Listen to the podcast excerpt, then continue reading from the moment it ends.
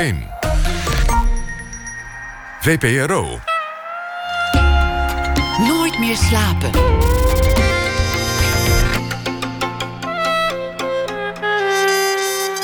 Met Elvie Tromp.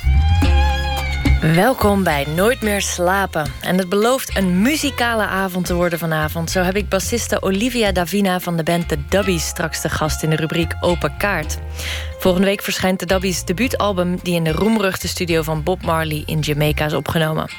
En na ene horen we een muzieksessie van Jay Roon en The Loose Ends. En tegenover mij zit het komende uur Wim Hazeu. Schrijver, dichter, programmamaker, uitgever, maar de laatste jaren vooral bekend als biograaf. Hij portretteerde de grote der Nederlandse letter letteren in boekvorm. Achterberg, Slauwerhoff, Escher, Marten Toonder. Hij vereeuwigde hun leven en werk. En wat weinig lukte, kreeg hij voor elkaar. Totale toegang tot het schrijven van Vestdijk. Waarop hij promoveerde aan de Universiteit van Groningen. En nu is daar de biografie van Loetjebert. Een boek van, nou ja, bijbels formaat, mogen we wel zeggen. Van de 800 pagina's hebben zo'n 80 pagina's tot nu toe in de pers de aandacht gekregen.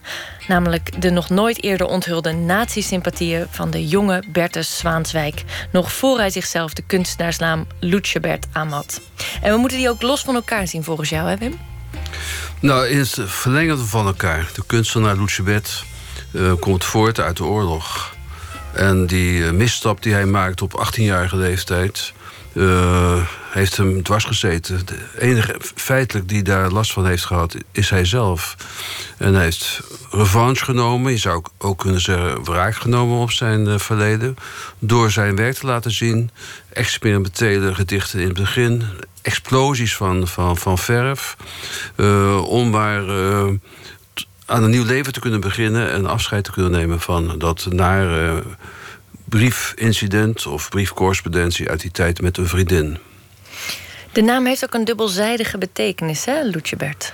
Ja, Lutjebert, uh, je, schrijft, uh, je spreekt het ook uit als Lutjebert. In mijn schooltijd zei ik Lucebert, maar thuis werd hij ook al Loet genoemd. Loetje is licht voor in het Engels en Bert is licht in het Germaans. Dus hij is een dubbele lichtdrager. Zo mag je zijn naam vertalen. Maar toch ook Lucifer? Er zit ook iets van, van Lucifer in, dat heeft hij er zelf van gemaakt. Ja.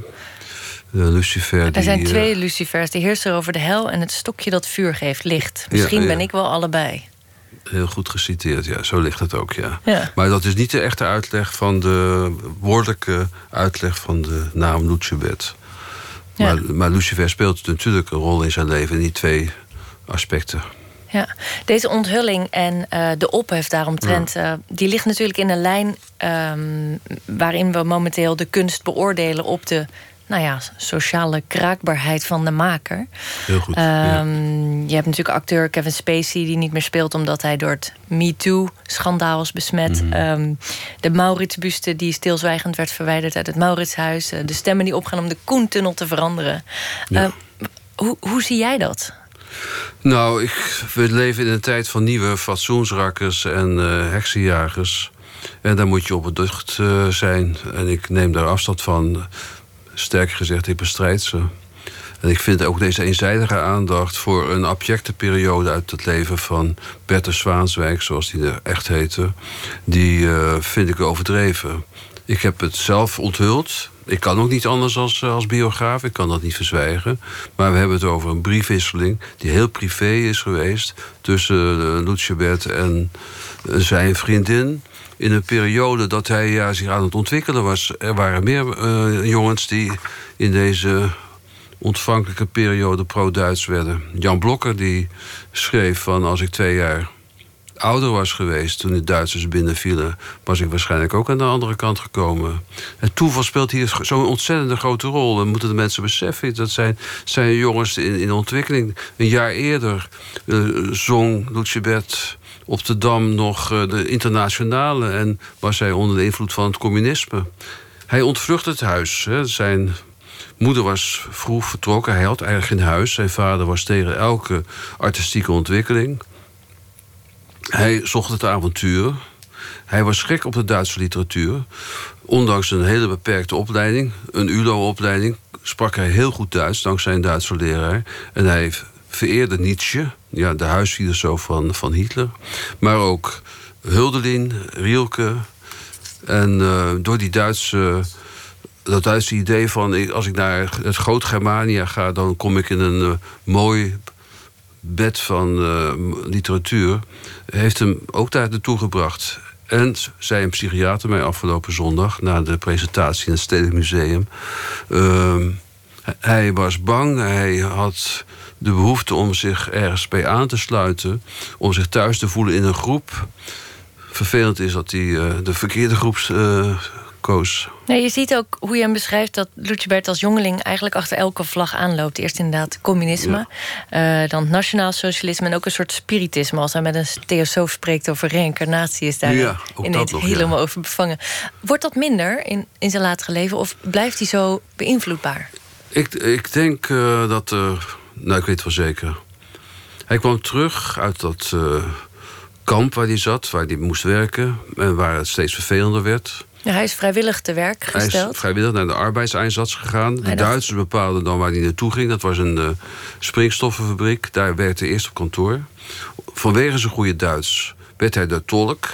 En hij zat in een bibliotheek. Uh, hij was eigenlijk uh, een dichter in wording... die de vrijheid kreeg om naar museum te gaan. Kranach, daar was hij gek van. Of naar de bioscoop. Of boeken te kopen zelfs. Uh, en, en te schrijven. Dus hij voelde dat wel prettig. Maar de volgende commandant die vond dat helemaal niet goed. Dat luizenleventje. En toen werd hij ook te werk gesteld in die fabriek. En dan heeft hij alles eraan gedaan om te ontvluchten. En dankzij een vriendinnetje werd hij afgekeurd. Want dat vriendinnetje zei tegen de arts... ja, dit is een dichter, die mag u niet zo straffen. En toen kwam hij in, Duits, in Amsterdam aan. En stond de landwacht op hem te wachten. En die landwachters zeiden... ja, jij bent nu wel afgekeurd, maar we houden je wel in de gaten... want zodra je beter bent, dan sturen we je terug. En toen is hij ondergedoken.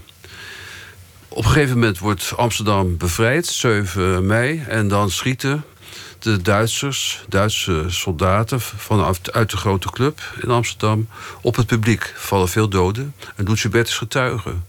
En volgens mij gaan dan zijn ogen open van... zijn dat nou de uh, Germanen die ik vereerde? Ja, want het gaat ver. Hè? Eh, in, op zijn hoogtepunt van uh, het, uh, nou ja, het vereren van het ja. nazi-gedachtegoed... Ja. noemt hij ook alles Germaans. Dus de Germaanse van Gogh. Alles ja. wat goed is, is Germaans. Precies. Ik wil een stukje voorlezen, want het is niet mals hoor. Um, Maak het maar niet schrijft. te lang. Nee, nee, een kort stukje. De Joodse chageraar de Joodse chaggerige zwetsaard heeft ons Nederduitsers erg, erg besmet.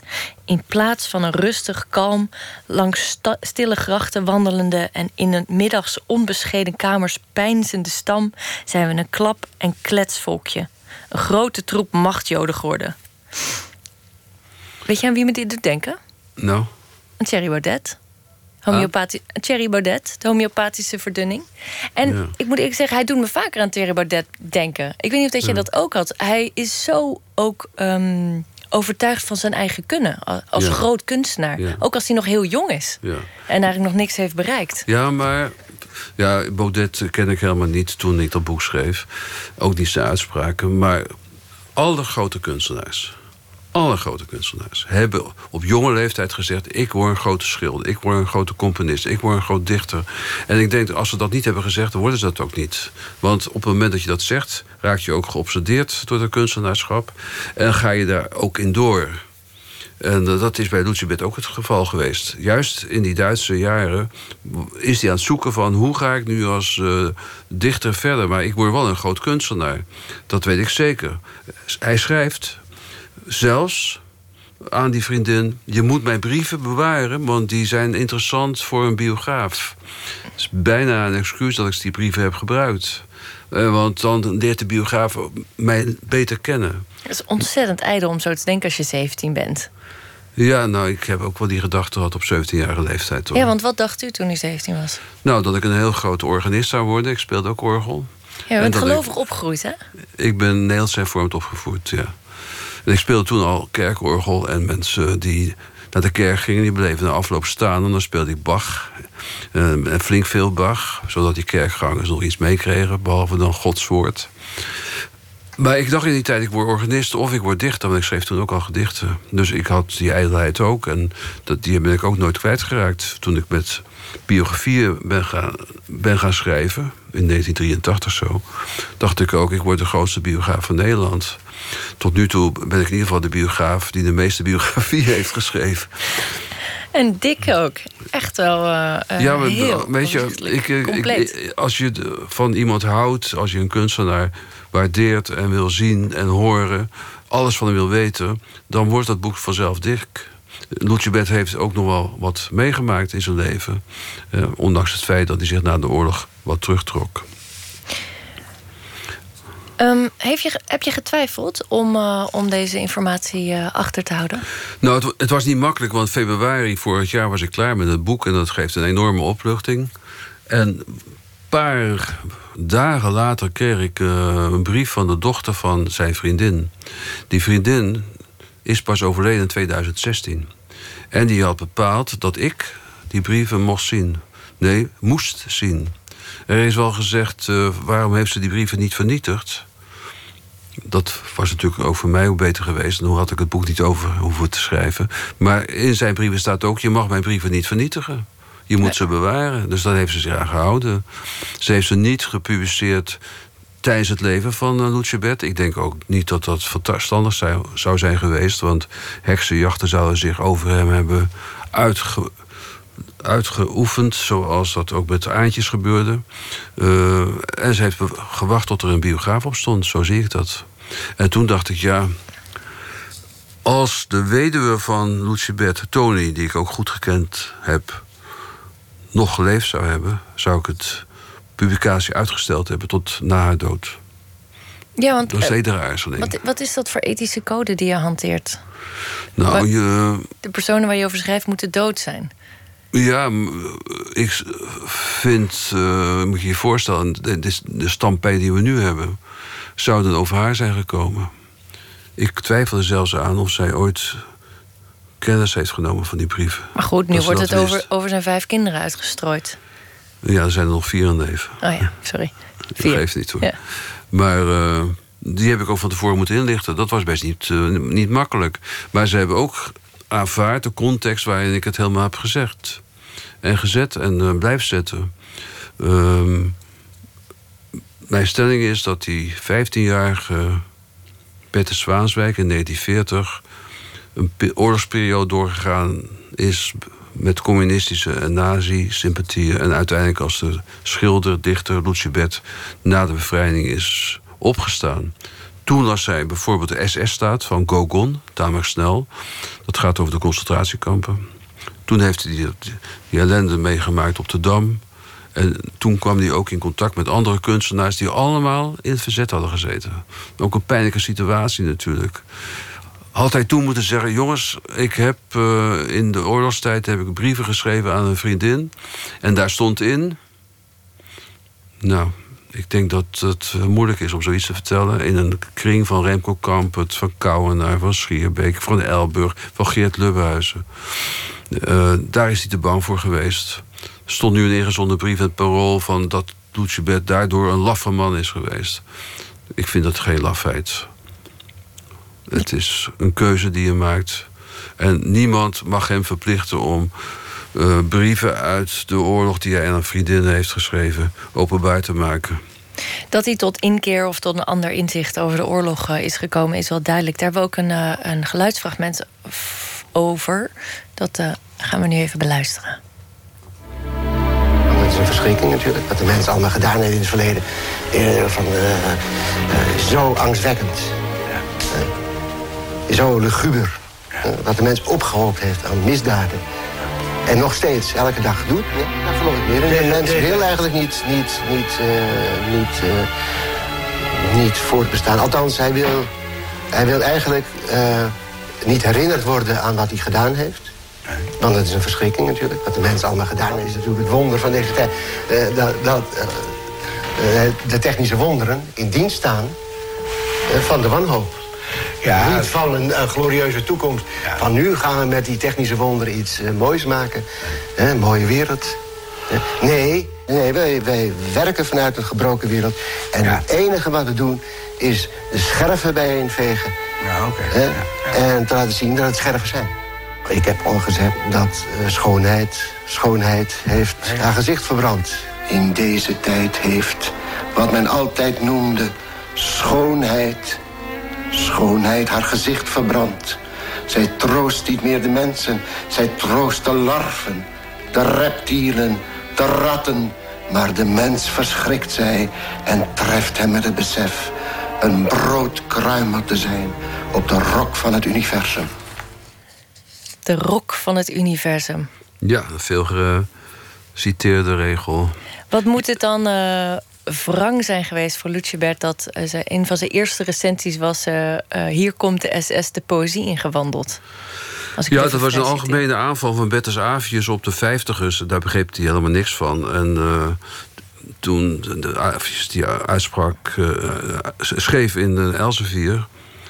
de SS marcheert de poëzie binnen... dan moet dat voor bij de klap zijn geweest. En hij was ook de eerste die reageerde van de vijftigers... met een hele persoonlijke verdediging. Waarin hij natuurlijk helemaal niet vermeldde... dat hij zelf in feite tot het gedachtegoed van de SS had behoord. Ja, dat was niet een uh, makkelijke periode voor hem. Nee, en toch, er waren ook schrijvers die wel open waren over hun foute verleden. Hugo Claus was er zo een van.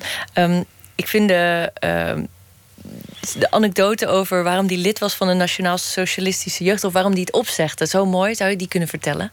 Van de Klaus? Ja.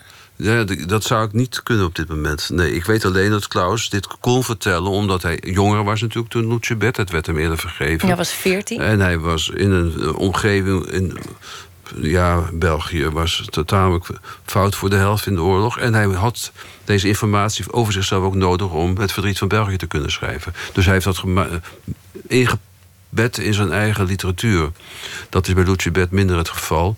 Maar nu ik met de kennis uh, van nu eh, de gedichten lees... dan zie ik er ook wel weer elementen... waarin Lucibet probeert afscheid te nemen van uh, dat verleden. En ik, als ik dat mag zeggen... een van zijn mooiste gedichten waarin je kan zien...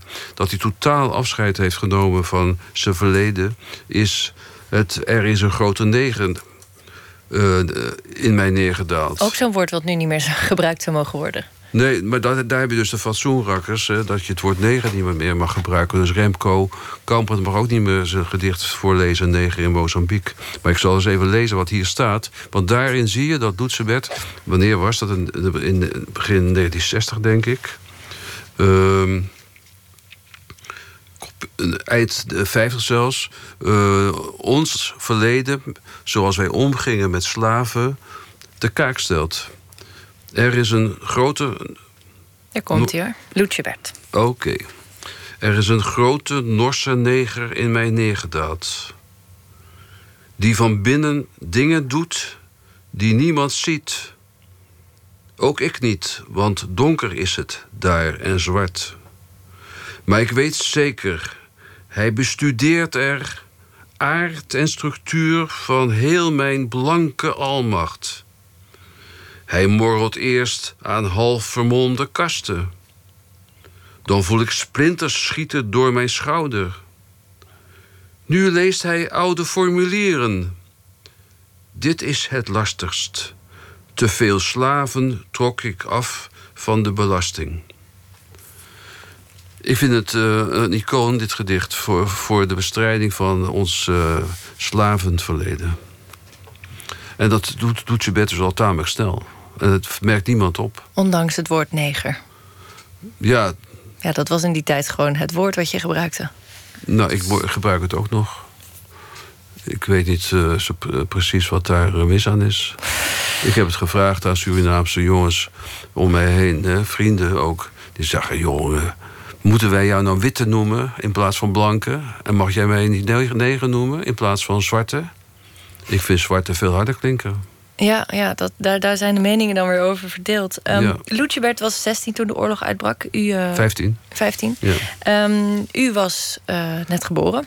Een paar maanden, ja. ja. Hoe heeft u, die, heeft u daar herinneringen aan, aan die jaren? De oorlog, ja, uh, die weet je, elk mens heeft als jongste herinnering zo'n beetje de vierde, het vierde jaar, levensjaar. En ik woonde vlakbij het vliegveld Ipenburg, wat echt eh, door eh, de Duitsers zwaar werd verdedigd. Dus om ons huis liepen altijd Duitsers. En ik was behoorlijk fout in de oorlog. Op die vierde, vijfde jaar leeftijd. Toen al? Ja, want voor ons huis stonden bakken... waar water in werd gegooid voor die Duitse soldaten en hun paarden. En die bakken waren wel eens leeg. En dan ging ik die bakken vullen. Oei, oei, En dan wachtte ik tot die paarden kwamen van die Duitsers. Die, die leerlucht die heb ik nog in mijn neus. Dan waren er veel uh, afweervuur, herinner ik me. Razzia's. Mijn vader was ondergedoken. Desondanks werd er veel bij ons in het huis gezocht. Ik heb er een hele gedichtencyclus over geschreven. Kleine oorlog in Delft. Ja, dat zijn mijn eerste herinneringen. En bij de bevrijding heb ik één slechte herinnering. Dat is het kaalscheren van een meisje bij ons om de hoek. Want toen waren er ook alweer van die moedige Nederlanders... en fatsoensrakkers en heksenjagers. Om maar een voorbeeld te noemen. Van alle tijden zijn ze. Ja. Um, u heeft zelf ook uh, uh, nou ja, over de oorlog geschreven in uw ja. poëzie. Ik heb een gedicht meegenomen. Zou je dat willen voorlezen? Ik herken het niet meer. Het komt uit 1970, uit uh, het blad Weerwater, geloof ik. Nee, Trotwaarde. Oh, Trotwaarde, ja. Ten lange leste kruipt een Zulu, keelklank, uit het hondenhok. Verraadt de weg omhoog. Dan kraakt een deur. Een Jozef Mengele, kamparts uit Auschwitz, verklaart de wereld doof. De Zulu dood. Met ingekorte maag ligt een patiënt zijn dagen plat. Ja, dat doet me herinneren aan de eerste beelden die ik zag. Waren foto's van concentratiekampen. De eerste naakte vrouw die ik zag... waren naakte vrouwen die in een kamp werden opgejaagd. En een beeld van Mengelen die uh, bezig was met experimenten... Dat, dat staat in dit gedicht. Ik moet zeggen, dat zijn geen prettige beelden om een jeugd mee te beginnen. En dat heeft me wel getekend. Of een seksuele ontplooiing. Ja. Nee, dat lijkt me heel verontrustend. En ik zie toch ook wel een, uh, een invloed van Lutjebert hierin. Later. In, dit, in, dit, in, het, in gedicht, het gedicht, ja. De manier ja. waarop ik het opzeg. Dezelfde ja, verontrustendheid, dezelfde soort uh, gevaar, dreiging in de beelden. Een bepaalde ongrijpbaarheid. Ook. Ja. Nou, Lutjebert is altijd bang geweest voor een nucleaire oorlog. En voor, ja, geweld. En dat ben ik ook. Ik denk dat een nucleaire oorlog ons nog steeds bedreigt. Maar we sluiten onze ogen. Nou ja, met Trump, Trump, aan de knoppen is het natuurlijk dichterbij dan ooit. Precies. Ja. En er, er, hebben veel mensen een knop. Van Iran tot Pakistan en onze vriend in Amerika. ja, inderdaad. Hoe is het om dit terug te lezen? Ja, ik moet eventjes... Uh, ik, ik, kijk nu naar het beeld van dit gedicht. En uh, ja, waar ben ik eigenlijk opgehouden met publiceren, denk ik dan. Ik schrijf nog steeds gedichten, maar die zitten al met een bureaula. Ik zeg niet één bureaula, twee bureaula's vol. En misschien komt het er nog een keer van als ik weer rust heb... naar het biografenfront. Nou, het lijkt me moeilijk uh, schrijven als je jarenlang in andermans huid kruipt. En andermans werk. Nou, ik heb gewoon jarenlang ook gewoon gedichten geschreven. Dat, dat kan wel samengaan. Kijk, ik heb bij de radio en de televisie gewerkt. Dat, toen kon ik toch uh, ook romans schrijven. Maar toen ik uitgever werd zelf... was ik te veel manuscripten van anderen. En zag ik geen kans meer om zelf een boek te schrijven.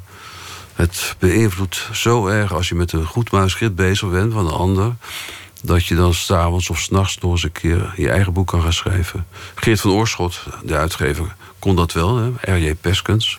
Maar ik kon dat niet. Maar het kan wel gecombineerd worden met uh, het schrijven van biografieën. En ik ben ook begonnen met een roman. Wie weet wat daaruit komt. Hoe, uh, hoe kiest u uw, uh, uw ja, biografie-kandidaten? Ja, toen ik 15 was, had ik geluk van twee goede leraren Nederlands te hebben na elkaar. En uh, daar heb ik Loetje Bert leren kennen. En daar werd ik ook enthousiast voor een paar andere helden. Achterberg, dat is trouwens ook een held van, uh, van Loetje Bert. Uh, Vestdijk, zijn liefdesroman, Terug tot Ine Damman. heeft enorm veel indruk op me gemaakt. De boeken van Couperus, de boeken De Kleine Zielen. Veel te jong gelezen. Daar word je een cultuurpessimist van. er is uh, een katholieke organisatie geweest, IDEAL... die boeken verbood hè, aan jonge mensen. En ik ben daar natuurlijk helemaal tegen dat je boeken verbiedt. Maar soms kan je een boek uh, te vroeg lezen. Uh, dat was eigenlijk mijn grootste uh, liefde. Want die man die kende geen grenzen, ook letterlijk niet. En ik besloot, ik maak eerst uh, biografieën van mijn helden. En dit waren mijn helden.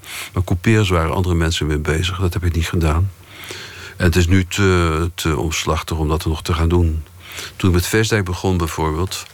heb ik twee jaar lang al zijn boeken gelezen. Die man had zo'n groot oeuvre.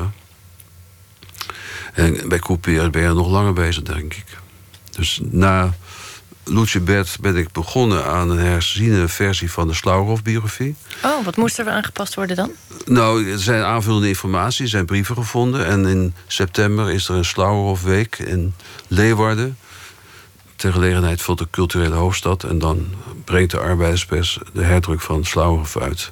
Dat is heel plezierig werk, moet ik zeggen. Zitten daar ook weer dat soort saillante onthullingen over fouten verleden? Ja, nou ja, eh, Slauwerhof, wie niet, uh, heeft ook antisemitische opmerkingen gemaakt. En uh, die staan ook in, in het boek. Uh, ter braak du Peron, iedereen deed dat. Maar ik, het is wel aardig om te vermelden. Ik had over Slauwerhof dus dat antisemitisme ook in een aantal bladzijden verwerkt. Toen kwam er een, uh, een recensie in de Haagse Post van Jaap Goedegeburen... en die zei dat ik dat had verzwegen. Nou, ik heb toen een ingezondere brief naar de AP gestuurd... en die hebben dat mooi afgedrukt van... hij heeft het helemaal niet verzwegen. En daarbij een prachtige foto van Slauwerhof. Dus wat was, was mijn uh, wraak eigenlijk op die recensie. Ja, want u bent, u bent wel nou ja, toch ook na de oorlog heel erg uh, aanwezig figuur geweest in de media. Haagse Post. Uh, um, heel veel televisie en radio gemaakt ook. Ja. Um, u, u had ook een radioprogramma met Hans Andreas. Hans Andreas. Uh, ook iemand met nazi-sympathieën. Ja, Hans Andreas was natuurlijk met Lucie Bert en de broer van Johnny Krijkamp. Een, een, trio dat werd beïnvloed door een studentenvereniging in Amsterdam. Een nazi-studentenvereniging. Daar gingen ze naartoe. Daar was een uh, spreker, een ophitser. En die heeft hen echt wel uh, over de drempel getrokken... om iets actiefs te gaan doen in Duitsland. En Andreas ging naar uh, het front... Wim Krijkamp ging eerst ook naar de arbeidseinsatz. En Lutjebet ook arbeidseinsatz. En Andreas heb ik dus uh, een film meegemaakt. Voor de televisie, voor de NCV. En daar is die oorlog nou eens ter sprake geweest. En dat is iets heel geks dat je dat niet doet. Het is zelfs niet in me opgekomen. Maar Loetje Bert bijvoorbeeld is door 80 journalisten geïnterviewd in Nederland. Onder wie Bibeb een paar keer. Jan zijn, Brokken. Ja, niet de niet minste. De minste. Nee. Niemand heeft doorgevraagd over die oorlog. En ik sprak zondag Max Pam, die mij vertelde... hoe is het in godsnaam mogelijk? Want ik voelde iets dat er fout zat met Lucibet en de oorlog... en ik heb niet doorgevraagd. Ja, dat kan gebeuren. Is dat toch een soort van uh, missen van lef? Of dat mensen het er niet over willen hebben? Of dat het een soort collectief litteken is? Nee, ze hebben hem niet willen sparen, want ze wisten er nou eens iets van. Ja, ze wisten alleen dat hij dan naar de arbeidseinsatz was gegaan. Of, en dat hij teruggekomen was uit de oorlog. En toen uh, is hij ondergedoken. Dus het leek een hele normale gang van zaken. Voor een jongen van 16, 17, 18 jaar. Dus waarom zou je naar die oorlog vragen? Ja, zo interpreteer ik het nu. Maar het is wel gek. Uh, ze hebben dat ook niet weggelaten. Want bijvoorbeeld Bibeb als die had gevraagd naar die oorlog en had geen antwoord gekregen, dan had ze zeker in Vrij Nederland geschreven. Hij gaat daar verder niet op in. Zoiets, weet je. Ja, ja, ja. We hadden het al even over dat u uw um, ja, onderwerpen kiest vanuit bewondering. Ja. Uw grote helden uit uw eigen puberteit. Um, maar naast bewondering ligt jaloezie. Van wie? He, bent u daar bekend mee, het gevoel van jaloezie? Nee. Dus een eigenschap die ik niet heb. Echt niet? Nee. nee maar niets niet. menselijks is u toch vreemd? Nee, maar sommige eigenschappen zijn wat sterker. Ik heb een grote ambitie en ik heb ook een groot gevoel van... ja, dat klinkt ontzettend lullig, goed doen. Uh, ik heb een grote nieuwsgierigheid. Maar uh, de jaloezie is bij mij echt uh, niet aanwezig of nauwelijks aanwezig. Als je mij nou een voorbeeld zou vragen van jaloezie, dan heb ik dat niet. In de uitgeverswereld bijvoorbeeld was ik altijd blij als een andere uitgever een bestseller had. Mijn collega's waren daar jaloers op. Maar ik dacht, die bestseller geeft de boekhandel weer ruimte om veel geld te verdienen. En met dat geld kunnen ze ook mijn boeken inkopen. Zo, zo, dat is ongeveer mijn denktrand. Dus jaloezie, nee. Maar ja, ik, ik, ik ga er toch nog heel even op ja, door. Natuurlijk. Ik zag uh, op uw website een, uh, een serie portretten... waarbij Ja. u poseert bij uh, beelden van Schrijvers. schrijvers. Ja. Misschien wel 20, misschien wel 30, misschien wel Ja, 40 ja, foto's van over heel de wereld. Ja. Is, het zou een fantastische Instagram-pagina kunnen vullen. Ja. Eh, en elke keer staat u er net iets anders bij. Een beetje olijk, een beetje scherpzinnig, een beetje vragend. Eh, wat was de motivatie voor die fotoserie? Dat heeft te maken met mijn journalistieke eh, interesse. Ik verzamel van alles. En zeker alles wat met literatuur te maken heeft. Ik heb bijvoorbeeld een verzameling boekensteunen.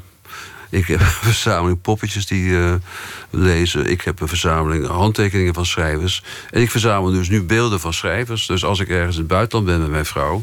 dan maakt zij een foto en ik ga erbij staan. Het had ook iets pesterigs voor mij. Zo van, Ja? ja, jij mag dan wel de bestseller zijn... maar jij bent dood en ik sta hier levend voor. Oh, dat is jouw interpretatie. Echt jouw interpretatie. Zo denk ik absoluut niet. Ik denk juist het andersom, dat ik hem weer in ere herstel. Als die vergeten mocht zijn. Ik heb ook altijd een verhaaltje bij. Van wie is dat?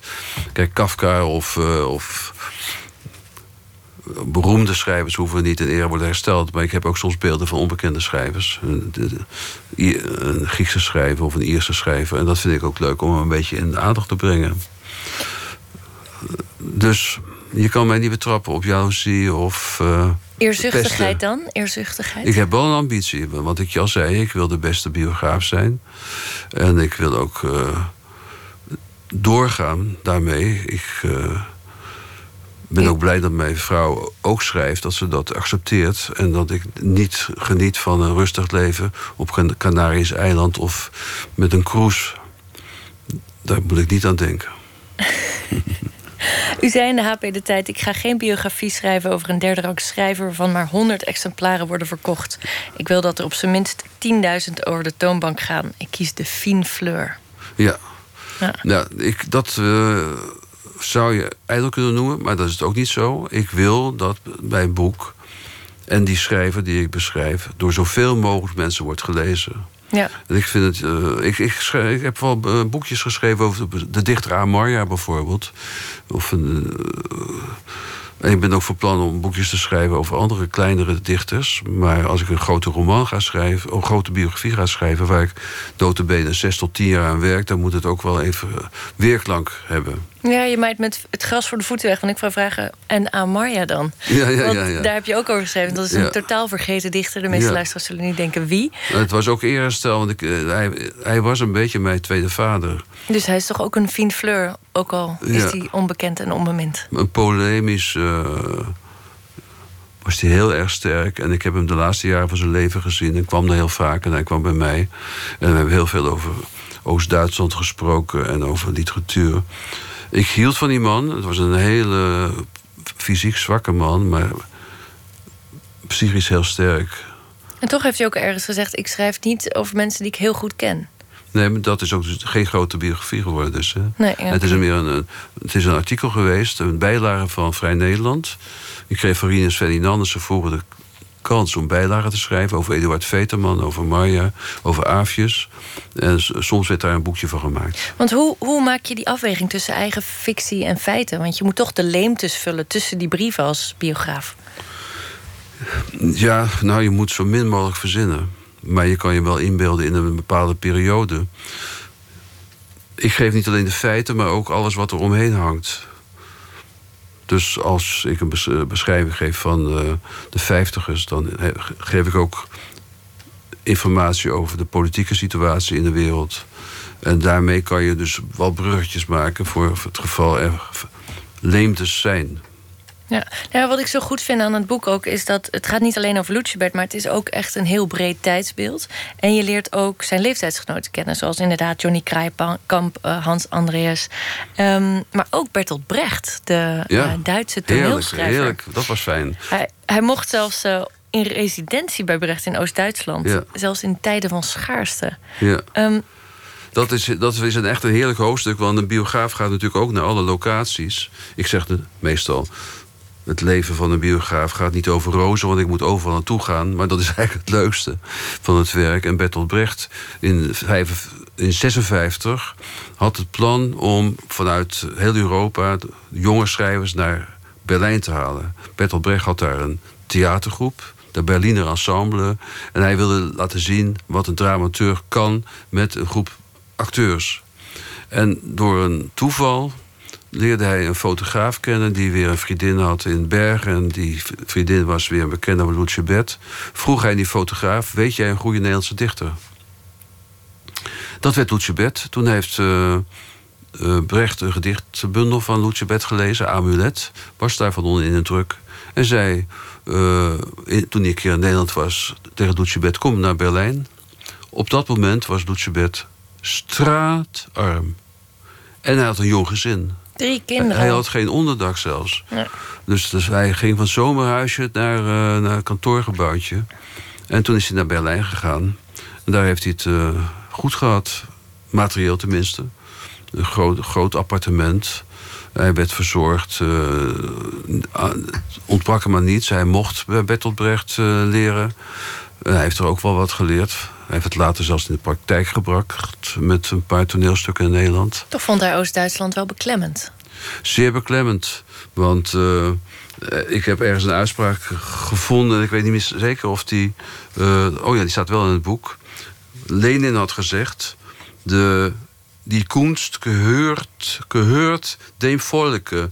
Maar het politbureau bepaalt de kwaliteit zijn dan Lucebert. En dat merkte hij natuurlijk ook wel in Duitsland. En er was een tweede punt waarom hij op een gegeven moment weer terug wilde. Hij kwam droog te staan. Hij kon niet meer schilderen. Hij kon niet meer tekenen. Hij kon niet meer dichten. En weet je waar hij dat aan weet? Aan het ontbreken van jazzmuziek. In Oost-Duitsland was er geen jazz. En eh, Bertolt Brecht moest er, ook, moest er ook helemaal niets van weten. En hij schrijft dan aan Roland Holst... ik wil terug naar Nederland omdat ik weer jazz wil horen. En dus op zo, uh, om die reden droog staan. Totale ommekeer, want hij schreef nog in de brief aan Tini van dat dat is verderfelijke muziek. Dat is geen goed Germaanse. Nee, nee, nee. Dat, ook hier hebben we weer zo'n teken van revanche. In de oorlog mocht er geen negermuziek, negroïde muziek, geen jazzmuziek gedraaid worden in Nederland voor de radio. Ook niet in, in cafés, ook niet in Duitsland. Dus uh, hij heeft in mijn verhaal nog nooit iets jazzmuziekachtig gehoord zelfs.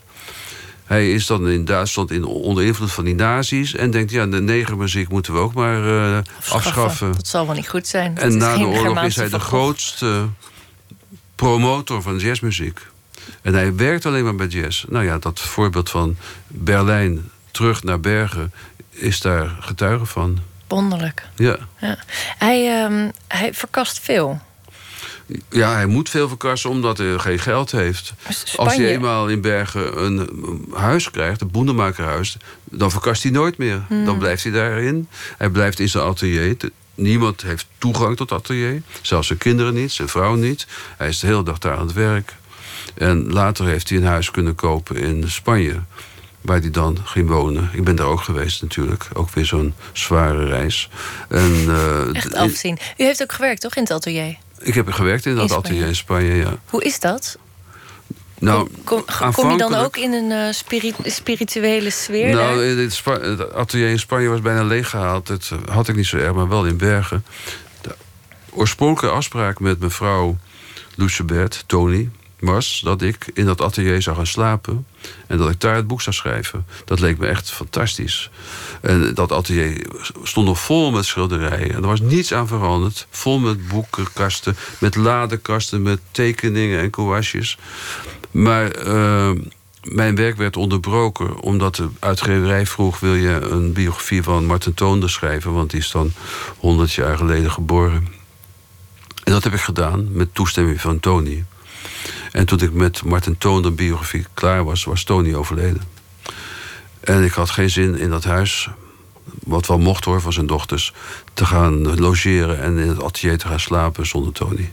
Ik had namelijk ook het rare beeld van ik ga schrijven in dat atelier, zoals Lucibet ook elke dag in dat atelier werkte. En s'avonds ga ik in de huiskamer met Tony een glas wijn drinken. Ze konden heel goed drinken. Een pijp roken, wat Lucibet ook deed. En dan ga ik praten over wat ik geschreven heb. Ja, want Tony was zijn grote liefde. Dat is absoluut zijn grote liefde geweest.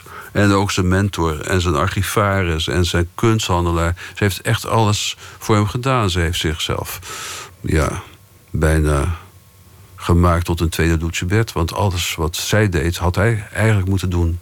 Bijvoorbeeld contacten met kunsthandelaren. Wat Karel Appel wel deed, zijn vriend. Het was veel beter uh, dus uh, op dat punt. Die ging ook naar Amerika. Ja, toen Appel uh, exposeerde in Amerika, ging hij naar Amerika. Toen Lucibet exposeerde in Amerika en New York, ging hij niet. Hij zei, ja, ik heb vliegerangst... maar hij had ook met een boot kunnen gaan, wat Karel Appel had gedaan. Kunsthandelaren niet bezocht door Lucibet, dat deed zijn vrouw. En dat heeft ze fantastisch gedaan. Vinko zei, de aller, allerbeste kunstenaarsvrouw is Tony, de vrouw van Lucibet. Achter veel van die uh, grote kunstenaars staat uh, vaak zo'n ja, zo'n dienende partner... die zichzelf wegcijferen en eigenlijk alles draaiende houden. Um, dat zag ik bij haar niet zo erg, want ik heb het dus een paar keer bezocht. nou, alle wereldse, zaken, wereldse zaken worden wel aan haar overgelaten. Ja, ja dat zag ze, zij had ook een taak. Het was een werkende vrouw. Ja. En een werkende man, het eigenlijk ideale. Ja, maar wel. Het was zij, zijn naam op de, op de gevel en zij deed uh, ja, alles op het kantoor als het ja, ja, ja, Maar eh, je kan niet zeggen dat zij een gevoel van onderdanigheid had. Het was hele grote liefde. En... Uh, ja. Denk je dat de nieuwe generatie kunstenaars zich zo'n instelling kunnen permitteren? Ik zie jonge kunstenaars meestal omgaan met jonge kunstenaressen. en dat, ik ben ook met een, ik ben niet zo jong, maar ik ben toch met een schrijfster getrouwd. Dus we doen allebei hetzelfde vak. Ja, hoe is die verhouding bij u? Nou, praktisch gezien, mijn vrouw schrijft van 9 uur S'morgens tot 1, 2 uur s middags. Tira Koppens. Dan zit ik in het café, drink koffie en lees de ochtendkranten. En ik begin smiddags om een uur of vier en ga door tot s'nachts twee uur. Dus nooit meer slapen hier is voor mij geen enkel probleem. Uh, ik zorg voor de lunch. Allemaal praktische zaken. Dus dan zie je elkaar pas eigenlijk? Ja, en zij zorgt voor de avondmaaltijd.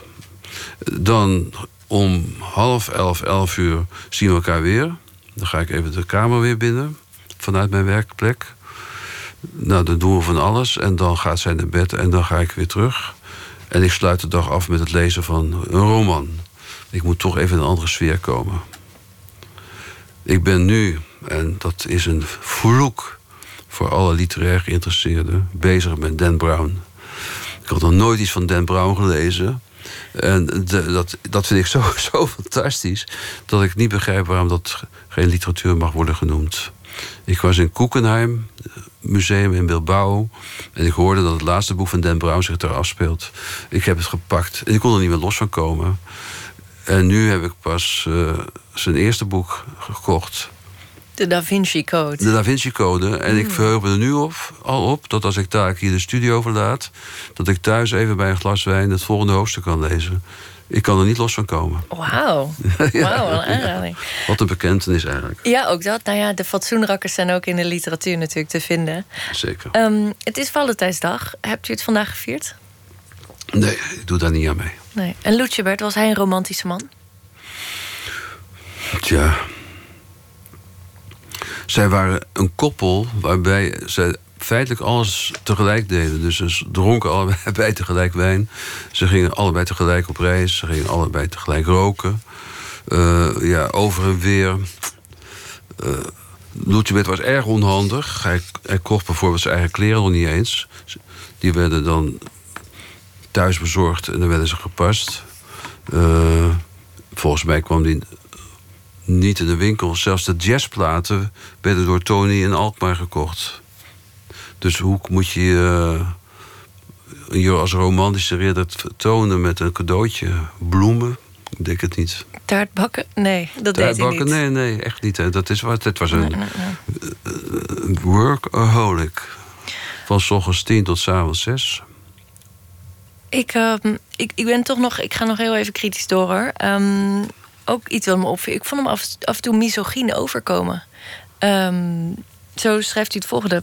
Het is een feit, zo vertelde Lucebert tijdens zijn lezing voor de Kunstnijverheidsschool in 1949, dat vrouwen heel gemakkelijk tot goede verstaanders en begrijpers van poëzie kunnen worden opgeleid. Het is namelijk zo dat wanneer een vrouw met een poëet eens te bed is geweest, zij voor heel haar verdere leven een juist begrip heeft voor de poëzie. Ook voor de moeilijkste poëzie. Ja. Nou, verklaart u maar nader. Wat bedoelde die daarmee? Was dit ook zo'n jong, jonge dwaling? Nou, dit is nog in een van de eerste hoofdstukken. Ja, eens even kijken. hij heeft, mij, heeft maar goed, hij leest wel voor. Hij heeft me één keer een lezing gehouden in zijn leven. En dat was op die school waar hij zelf op had gezeten. Wat je nu de Rietveld Academie Kunstnijverheidsschool. Dat heette toen de Kunstnijverheidsschool. Het is onbegrijpelijk dat hij dat heeft gedaan. En hij heeft toch wel een lange lezing gehouden. En daar heeft hij ook zijn eerste mooie gedicht voor gelezen. Christus Wit ik dacht dat Christus wit was. Een prachtig gedicht. Ja, daar zaten ook uh, waarschijnlijk hele mooie meisjes. En uh, in de, hij had geen vaste verkering op dat moment. Had hij het, uh, zoals Svinkenoog dat ook had in zijn Zo lang te water... als je die roman leest, het idee van een, een, een, meisje vindt een dichter interessant... en daar, samen kun je van alles beleven, ook de erotiek. Toch een beetje een pochende, pochende dichter hier. Nog wel, nog wel. Maar als je later zijn uh, liefde... zijn eerste grote liefde was Frida Koch... de vrouw van zijn vriend Bert Schierbeek. Als je die liefdesbrieven leest, dan is het wel andersom. Dan wil hij dienstbaar zijn. Als zij maar komt, als zij maar komt. dat is dus niet gelukt, want zij had al kinderen en ze is doorgegaan met iemand anders, maar die, uh, daar had hij toch behoorlijk veel liefdesverdriet. En hij heeft eigenlijk geluk gehad dat vlak daarop heeft hij Tony leren kennen. Ze hadden allebei toen een kind. Lucibet had een kind van iemand anders en Tony had een kind van iemand anders. Misschien heeft dat ook wel uh, de verstaanbaarheid onderling bevorderd. Maar daarna heeft hij geen andere vrouw meer gehad. Dus ik denk dat hij een huwelijk heeft gehad van. Uh, 35 jaar of zo. Er speelde ook een andere grote liefde, een platonische mannenliefde, een grote rol in zijn leven. Met, uh, ja, dat heb ik zo genoemd. Kaste, ja, Kwai, zeg ik het zo goed? Kaste Kwai. Kaste Kwai. Ja, dat, is, uh, dat was oorspronkelijk mijn grote rode lijn in het boek. Want het is in feite een tegenpol van ja. Lucebert. Dat was de, eh, de, rode lijn in plaats van die oorlogslijn. En deze rode lijn van Kastekwai blijft staan. Kastekwai was de zoon van Jan de Kwai, katholieke premier. En Kastekwai was ook katholiek, zeer conservatief, kan je wel zeggen. Um, die twee hebben elkaar toevallig ontmoet. En wat was hun bindmiddel? De jazz. En voor het eerst kon uh, Lucebert lange brieven schrijven over jazz. En Kastekwij schreef lange brieven terug. Ze gingen elkaar beïnvloeden bij de aankoop van grammofoonplaten. En heel langzamerhand werden dat Soul Brothers. En de jazz speelde daar zo ontzettend grote rol in. En komt dan een moment in het leven dat ze niet meer buiten elkaar kunnen. En dat noem ik dan bijna platonische liefde. En dat is een geweldige relatie geweest. En ik heb ook uh, geluk gehad dat ik de brieven van Lucebert en Kastekwij heb mogen lezen. Uh, dat zijn dan betere brieven en gelukkige brieven. Waarin je ziet wat jazz uh, voor Lucebert betekent. Mijn stelling is zelfs dat zonder jazz had Lucebert geen gedichten kunnen schrijven. En had niet kunnen schilderen. En Kast was daarbij zijn vriend, die tien jaar jonger was trouwens. En Kastekwij is later bankier geworden. En trad op als een soort mecenas. Hij heeft veel werk van Lucibet gekocht. Mecenas, dat woord wilde Lucibet natuurlijk niet gebruiken. Want dat geeft iets aan van afhankelijkheid. Uh, Kas heeft hem uh, geld geleend. Uh, Kas was uiteindelijk ook zijn raadgever. In de kunsthandel wordt er vaak bedrog gepleegd of diefstal. En dan was Kast degene die dat dan oploste met brieven schrijven. En uh, op een gegeven niet meer buiten elkaar. En dat is een leven lang zo gebleven. En ik ben nu bevriend geraakt met de zoon van Karsten Kwij, Ruud de Kwij. En die weet zo, ook zo ontzettend veel van jazz af.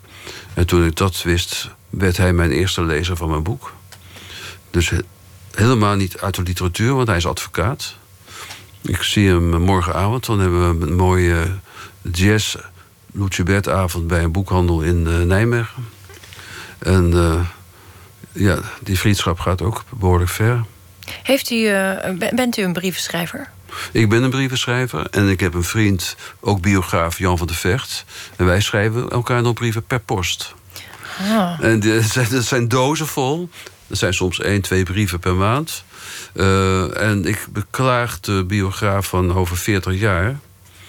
Want die zal geen brieven meer kunnen vinden. Die moet het dan hebben van de, het e-mailverkeer. En wat blijft daar dan van over over 40 jaar? En chat, nou, als het goed is, staat het dan in de iCloud opgeslagen. Heel overzichtelijk op datum zelfs al gerangschikt.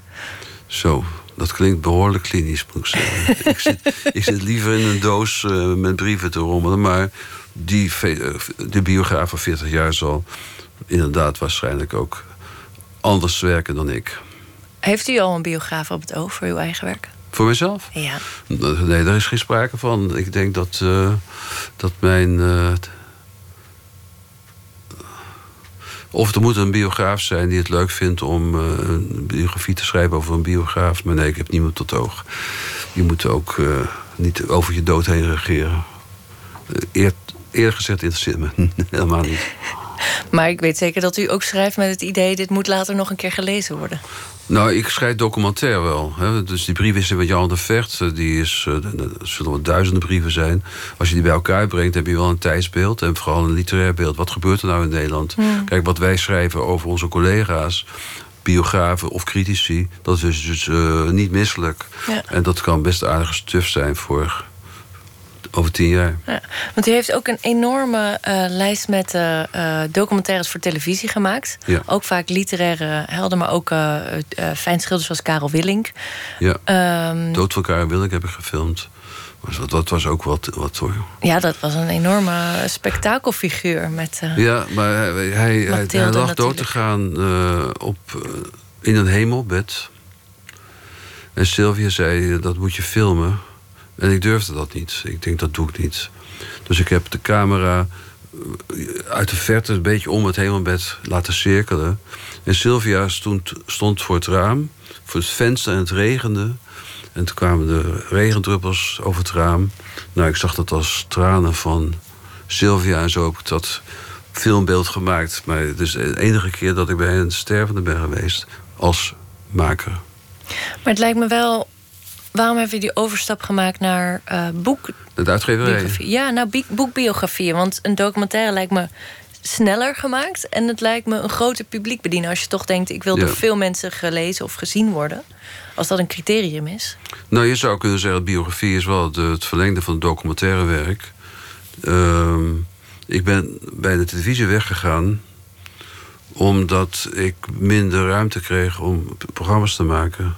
Je moet niet vergeten, ik zat bij de NCV. Ik was verantwoordelijk voor Zwiebertje, voor Silde Strandjutter, voor Badje, voor Black Beauty, de, dus ook inkoopfilms. Voor de kijkcijfers. Maar ik had als eis gesteld bij mijn vorige directeur, Peter Koen... ik wil één keer per maand een documentaire maken. Zijn opvolger die verbood dat. Die wilde dat niet. Die zei, we hebben al voldoende minderheidsprogramma's, want we hebben dagsluitingen. We hebben ook een jaar al. Nou, toen ben ik opgestapt. En, uh, Wat een gigantische productie is. Dat is nu niet meer denkbaar, elke maand de documentaire. Nee, weet je, ik besef nu pas hoe rijk ik was aan zendtijd. Ik had uren zendtijd per week. Ja, je zit een jaloerse maker hoor. Of laten we zeggen bewonderende maker. Ja, ja, maar het feit al dat jij nu zegt...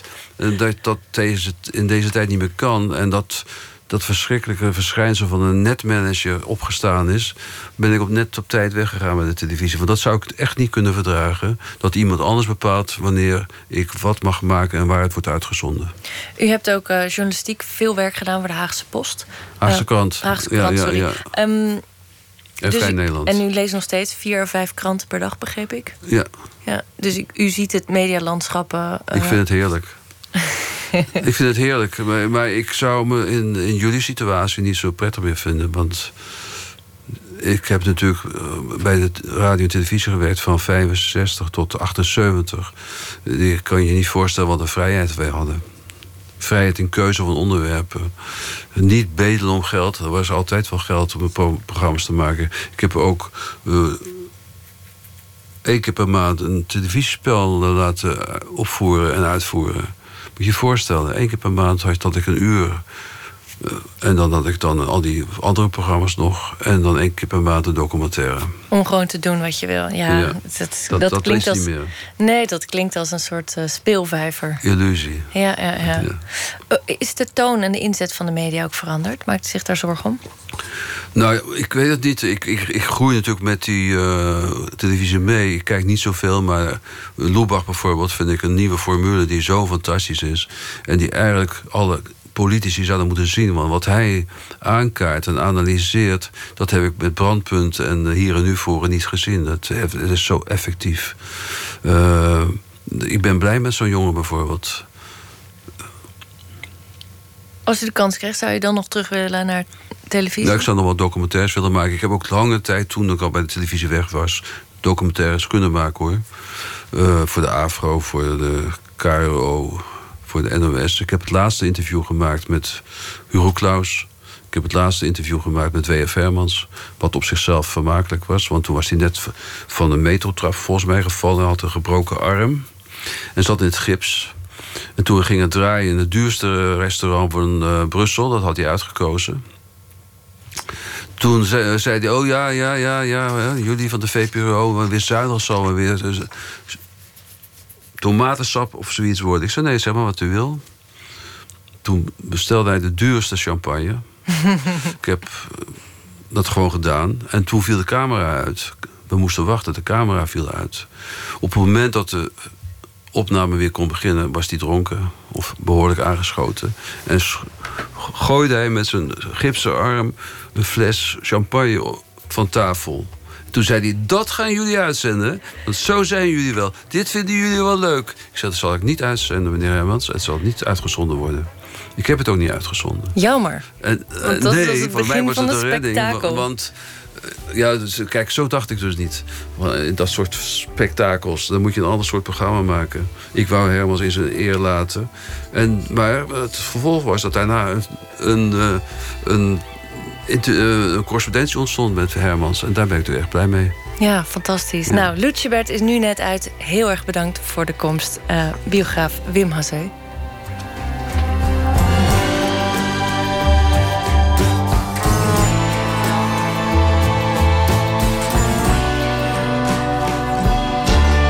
Radio 1, het nieuws van alle kanten.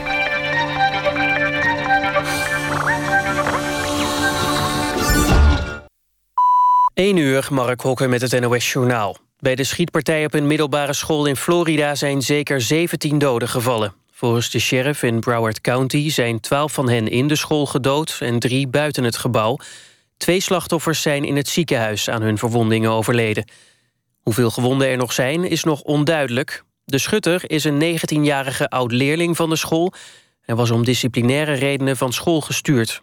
De jongen is aangehouden volgens de Amerikaanse nieuwszender CNN schoot hij met een machinegeweer. De politie in Florida zegt dat hij ook veel munitie op zak had. De meeste slachtoffers zouden leerlingen zijn. Lokale media melden dat ook een leraar is neergeschoten. President Trump condoleert op Twitter de families van de slachtoffers. De Zuid-Afrikaanse president Zuma stapt per direct op... heeft hij bekendgemaakt in een toespraak. Hij zei daarbij dat hij niet langer leider moet blijven dan het volk wil. De top van zijn partij ANC dringt al langer aan op zijn vertrek. Zuma heeft zich daar tot nu toe tegen verzet. De Zuid-Afrikaanse president ligt onder vuur om verschillende corruptieschandalen. Drie mannen zijn in de buurt van Washington in een terreinwagen ingereden op de toegangspoort van de Amerikaanse inlichtingendienst NSA. Volgens de autoriteiten gaat het niet om een terroristische actie. Toen de auto op de poort afreed opende een bewaker het vuur. Een van de inzittenden, een bewaker en een omstander... zouden gewond zijn geraakt. In de achtste finales van de Champions League... heeft Real Madrid de topper tegen Paris Saint-Germain gewonnen. In Madrid werd het 3-1. Onder meer door twee doelpunten van Cristiano Ronaldo. In de andere wedstrijd van afgelopen avond won Liverpool uit met 5-0 van FC Porto. Het weer steeds meer bewolking en de komende uren gaat het ook op steeds meer plaatsen regenen. Vooral in het midden en oosten is kans op sneeuw, natte sneeuw en gladheid. Overdag eerst bewolkt met soms regen of motregen. Het wordt 5 tot 9 graden. In de loop van de dag klaart het op. Dit was het NOS Journaal. NPO Radio 1. VPRO.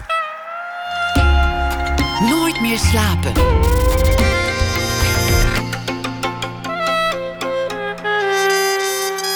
Met Elvie Tromp. Welkom terug bij Nooit meer slapen. Twee weken geleden verscheen het debuutalbum van de reggae-formatie The Dubbies, getiteld Peace, Love and Dub. Straks beantwoordt de bassist van de band, Olivia Davina, vragen over haar leven en werk in de rubriek Open Kaart. En u hoort een muzieksessie met Jay Roon, die eerder werd opgenomen in platenzaak Velvet Music op de Rozeracht in Amsterdam. Maar we beginnen met proza dat reageert op het nieuws van de voorbije dag. Deze week verzorgd door journalist en schrijver Henk van Straten. Hij debuteerde met de roman Bidden en Vallen. Hierna volgt het boek Wij zeggen hier niet halfbroer, wat hij baseerde op zijn eigen leven.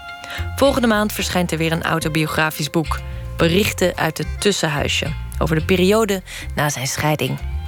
Goedenacht, Henk. Hey, Elfie. Hey, de week is doormidden en zo is ook deze aflevering doormidden. Hoe gaat het met je inmiddels? Goed, goed. Ja, ja goed. Ik ben in ehm, eh, Rotterdam. Oh, En dat is mijn stad. Ja, dat is jouw stad, ja. Dat zegt ook iedereen hier. Weet je wel dat dit Elfie stad is? En dan zeg ik, ja, dat weet ik. En iedereen blijft me eraan herinneren. Maar ik, ik weet het, Elfie. Het is jouw stad. Dus je bent er vast iets leuks aan het doen, ook al ben ik er niet bij. Ja, ik was bij mijn eh, eh, vader op bezoek met mijn zoontjes. En, ehm, eh, ja, en nu lig ik in een hotel, in het Art Hotel. Ken je dat? Het artshotel. Nee, ik heb er goede dingen over gehoord. Maar laten we vooral geen reclame brengen. Jouw, oh nee, eh, dat mag natuurlijk helemaal niet. Ja. Dan moet je, je hebt nu al een boete te pakken. Dat is bij deze al gebeurd. Je hebt nog geen goede recensie achtergelaten. Ehm, je voorspelling kwam uit. Halbe Zijlstra is afgetreden. De... Ja, ja. En ik dacht, ik ga er dan vanavond vooral geen, eh, geen stukje over voorlezen, toch? Ik heb geen idee. Misschien heb je alweer iets voorspellends. Nou ja, ik denk sowieso dat Halbe Zelstra is, afgetreden door dat stukje. Dat denk ik sowieso. En dus, dus dat is gelukt. En laten we nu dan vooral eh, eh, doorgaan, toch? Chapeau en inderdaad, onwards, upwards. Goed, dan, eh, dan komt hij, oké, mee eens? Ik, ik heb er zin in. Oké, ook. Ehm, Willem Holleder zei maar wat. Toen hij zei dat hij zijn zus Sonja's kaak zou breken als ze niet luisterde. Toen hij zei dat hij haar à la minuut zou doodschieten als hij geen geld kreeg voor de film over de Heineken-ontvoering.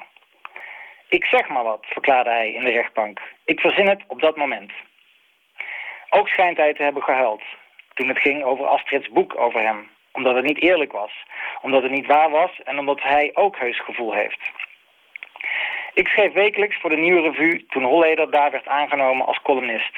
Er was veel ophef over, veel vragen, veel kritiek.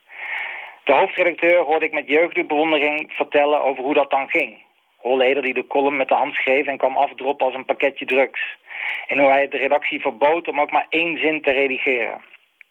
Het was de tijd waarin mensen massaal met hem op de foto gingen. Een selfie met Holleder, dat was echt cool. Toen ik in die periode naar de nieuwjaarsbol ging, wist ik dat hij er ook zou zijn. Iedereen wist dat, het gonsde. Ik liep naar binnen, de muziek in, de mensenmassa in en zag hem staan aan de bar. Het gekke was, ik ving meteen zijn blik. Misschien keek hij naar iedereen die binnenkwam. In maffiafilms zitten ze ook altijd met de rug naar de muur, alert, blik op de deur. Maar in zijn ogen zag ik bepaald geen angst voor wat mogelijk komen zou.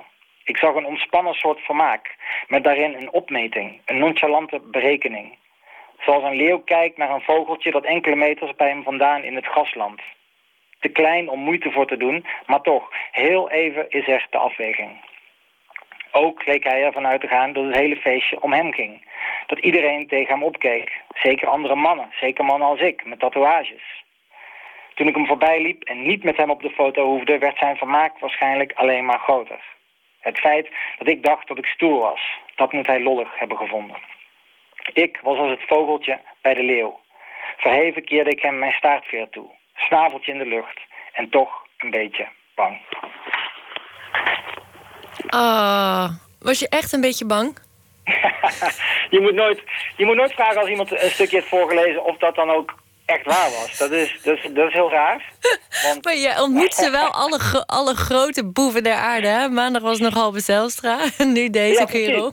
Ja, ja. Nou ja, goed. Nou ja, was je een beetje bang, je voelt... En ja, dat is natuurlijk wat ik met dat stukje dan een beetje probeer uit te leggen. Je voelt op dat moment, als zo'n kerel naar je kijkt... Ja, toch als weet je, een soort, een soort roofdier dat, dat altijd een beetje aftast en kijkt wat hij met je kan. En je voelt ook dat, ook al denk je zelf dat je stoer bent... Um, ja, dat jouw geweten toch altijd iets beter werkt... en dat jouw doodsangst toch altijd iets groter is dan dat van die anderen. En, en diegene ervaart dat als macht. En uh, dat weet ik zeker. En daarom kunnen die mannen ook doen wat ze doen. En zijn ze in staat tot waar ze in staat zijn. En, en dat, dat kun je voelen. Ja, dus, dus um, in zo'n moment ervaar je dat. Ja. Ja, het lijkt me een betere manier om in het leven te staan zoals jij het aanpakt. Uh, aangezien jij nu vrij rondloopt en hier s'nachts met mij zit te bellen. En, uh, en ik heb ook al gezegd in welke stad en waar en zo. Dus dat is ook heel slim. Dus ik hoop niet, ik hoop niet dat hij boos is. Als iemand een selfie met je wil, dan weten we nu waar je, waar je uithangt. ja, precies, Dankjewel Henk, tot morgen. Oké, oké, okay, over jou ook bedankt. Doei. Doei.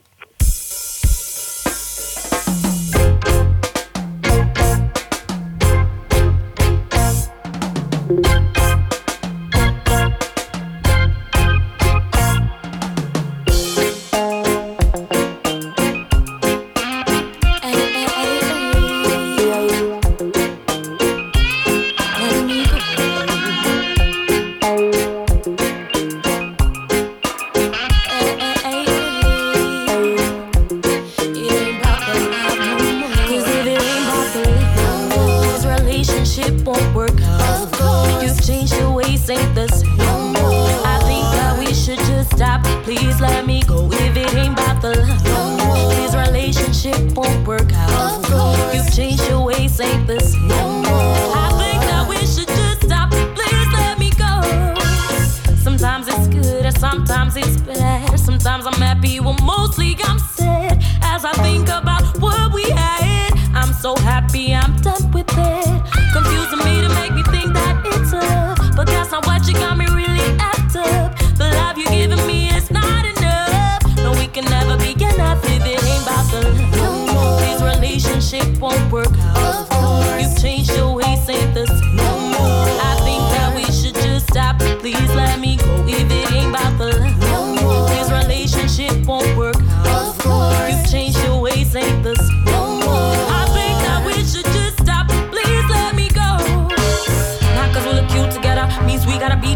Cause this thing won't last forever. You got me stuck up in your maze when I'm trying to leave, trying to find my way. You pull me back and then you say.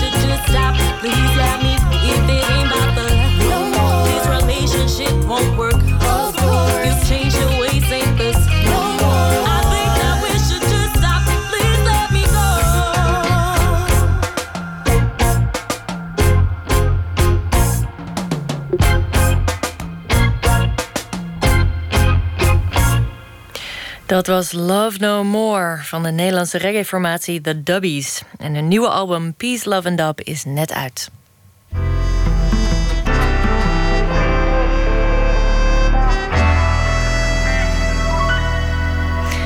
In onze rubriek Open Kaart trekt de gast kaart uit een bak met 150 vragen over werk en leven. En vandaag doen we dat met muzikante Olivia Davina van de zeskoppige reggae-formatie The Dubbies. De band bracht in 2016 in eigen beheer een EP uit. En die werd opgewerkt. Twee weken geleden volgt het officiële debuutalbum Peace, Love and Dub. Dat werd geproduceerd op Jamaica in de studio van de reggae-legende Bob Marley. Welkom Olivia. Dankjewel. Hi. Hi. Hoe, uh, hoe kwamen jullie terecht in, uh, in, in die roemruchte studio van uh, Bob Marley? Nou, we hebben in 2016 onszelf ingeschreven voor de World Reggae Contest. Dat werd gehouden in Polen. Die hebben we gewonnen. En de prijs is toen geweest dat je in samenwerking met Sam Clayton en Steven Stewart... dat zijn bekende producers in Jamaica... die hebben ook samengewerkt met Bob Marley en de Wailers... dan ja, een paar nummers mocht opnemen. En wij dachten, waarom gaan we niet gewoon gelijk een album opnemen als we die kans krijgen? Dus toen zijn we in februari naar Jamaica gevlogen en uh, daar terechtgekomen. Wat waanzinnig inspirerende omgeving lijkt me ja, dat. Klopt, ja. is het ook. En even voor mijn beeldvorming, die, uh, dat, dat festival in Polen. Hoe groot is dat? Hoeveel bands doen eraan mee? Mm, er deden volgens mij 85, 87 bands deden er mee. Wauw. Waarvan er 10 of ja, ongeveer tien volgens mij werden er uitgekozen uh, waarvoor je mocht gaan stemmen. En daarna mochten er vijf naar de finale in Polen. En dan moest je dus een live set spelen van ongeveer 20 minuten voor de jury in Jamaica en de jury daar. En de jury heeft uiteindelijk de beslissing gemaakt welke band uh, naar Jamaica mocht gaan. Wauw, dat is krankzinnig, ja, toch? dat was echt geweldig. Want het was niet echt jullie grote droom om naar dat festival te gaan. Jullie waren bijna niet gegaan, begreep ik. Nee, we hebben ons echt de dag voordat de inschrijving ging sluiten ingeschreven. En ik was eerlijk gezegd ook vergeten dat we onszelf hadden ingeschreven. Um, ja, maar toen, toen we hoorden van jullie zijn geselecteerd... toen zijn we er echt met meer dan 100% in gegaan. Toen wilden we het ook winnen. Ja. Jij bent de bassist. Mhm. um, hoe, hoe is dat uh, instrument op je pad gekomen? Uh, mijn vader was bassist. Hij is nu overleden. Um, maar ja, ik, als ik kijk, terugkijk naar van kleins af aan... ik was altijd wel met mijn vader dat hij dan ging bassen en ik ging zingen. Of ik ging altijd baslijnen neurien. Ik luister eigenlijk altijd naar de muziek... Uh, sorry, naar de bas in muziek. En toen op een gegeven moment dacht ik... nou, ik moet het instrument ook beheersen. Wat, uh, wat heeft Jamaica jou gebracht uh, voor je muzikale ja, kennis? Um, nou, ik denk op reggae-gebied was mijn muzikale kennis best wel groot. Maar ik heb daar echt heel veel mensen ontmoet. Zoals een Robbie Shakespeare, echt een hele bekende bassist in Jamaica. Waar ik dan vragen aan kon stellen. En de producers waarmee we gewerkt hebben, die hebben ook met heel veel bekende artiesten samengewerkt. Daar heb ik heel veel gesprekken mee kunnen voeren. Um, dus het was niet meer verhalen die je leest op internet of in een documentaire hebt gezien. Maar je kon echt met de mensen spreken of van dichtbij de verhalen meekrijgen. Um, ja, en ze hebben ons ook begeleid bij, het op, bij de opnames. Uh, waar je ook van hebt kunnen leren. Nu is, nu is reggae een uh, muziekstroming die nou ja, wereldwijd heel bekend is. En ook heel veel andere genres beïnvloedt. Ja. Maar in Nederland vrij marginaal. Hmm, ik hoor reggae toch wel terug in... Ja, op de radio, in popnummers hoor ik soms een slag terugkomen. Um, maar het is inderdaad veel... Ja, ik hoor het niet heel... Ik hoor niet uh, heel veel reggae-nummers op de radio. En als het reggae is, dan is het meestal om Bob Marley. Wat iedereen kent, maar het gaat niet echt de diepgang in. Is dat ook een van jullie ambities om uh, Nederland te veroveren? Ja. Of te winnen voor de reggae-muziek? Ja, niet alleen Nederland, maar we willen het internationaal aanpakken. Heel goed. Dat lijkt Ja. me goed streven. Goed, Ja. de doos staat klaar. Oké. Laten we wat uh, vragen gaan uh, Ben benieuwd. ja, uitpikken. Ik het zelf Zo. pakken. hè? Ja, je mag zelf kiezen. Nou, Ik ga mijn ogen dicht doen. Zij concentreert zich. Wat is volgens jou de beste plek om te wonen? Mm, Je komt nu Daar. uit Almere. Ja, klopt. Ik denk er wel vaak over na. eh, omdat ik toch wel hou van een gebied waar het voornamelijk warm is. En in Nederland is het ja, merendeels koud. Uh, maar toch ook wel een plek waar, um, waar ik veel. Waar er veel culturen zijn, net als in Nederland. Je Marokkanen, Turken, Surinamers, Antillianen, et cetera. Dat mis ik dan wel weer als ik bijvoorbeeld naar Suriname ga. Of als ik naar Jamaica ga. Dus ik ben daar niet over uit. Voor nu vind ik Nederland perfect. Ja, want de hele band woont ook in Nederland. De hele band woont hier, ja, klopt. Ja. Hoe is het om in Almere te wonen? Is daar een muzikaal uh, klimaat? Hmm, ik woon er al vanaf jongs af aan. En ik zie dat het wel groeit. Um, heel veel uh, artiesten komen uit Almere, merk ik nu. En we hebben nu ook het CAF in Almere, waar veel georganiseerd wordt voor artiesten. Jam sessies, lazy Sundays, waar optredens worden gedaan. Dus het is wel aan het groeien. Oké. Ja. Nou, dat klinkt hoopvol. Ja. Maar ja, het blijft koud. Ja. ja. hoeveel vragen moeten, hoeveel kaarten moeten we Nou, kom nog maar. Oh. We hebben nog wel tijd. Wie of wat is de liefde van je leven? Oh, goede vraag voor op Valentijnsdag. Inderdaad. Mag je er maar één kiezen of heb ik heb er namelijk drie? Nou, als je het zo paraat hebt, mag je ze alle drie vertellen. Oké.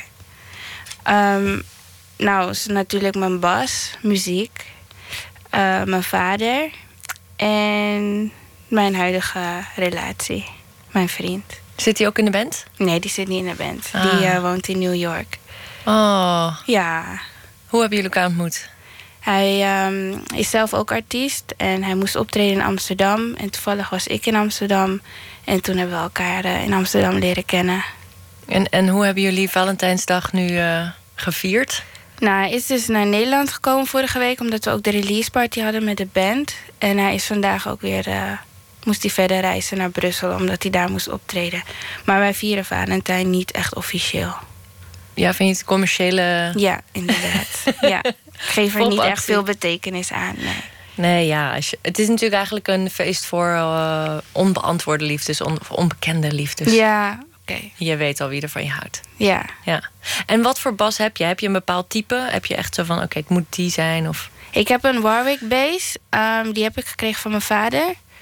Is het um, ook echt de, de, de bas waar je vader op speelde?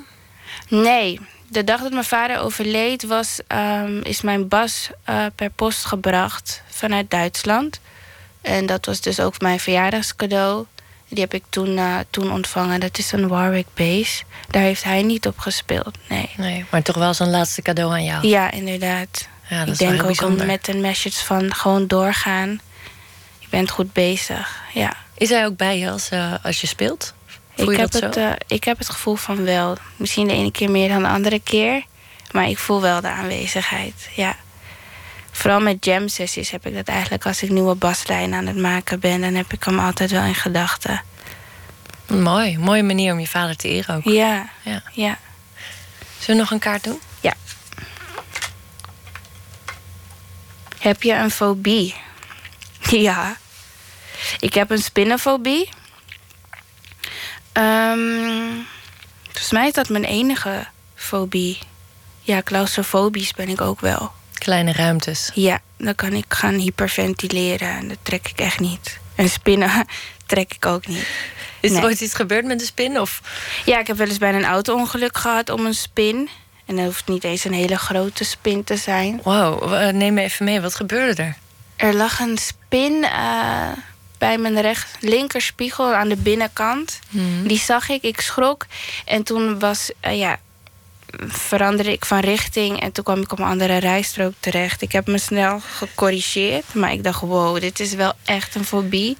Als ik om een spin deze reactie... Uh, ja, als ik daarop zo heftig reageer.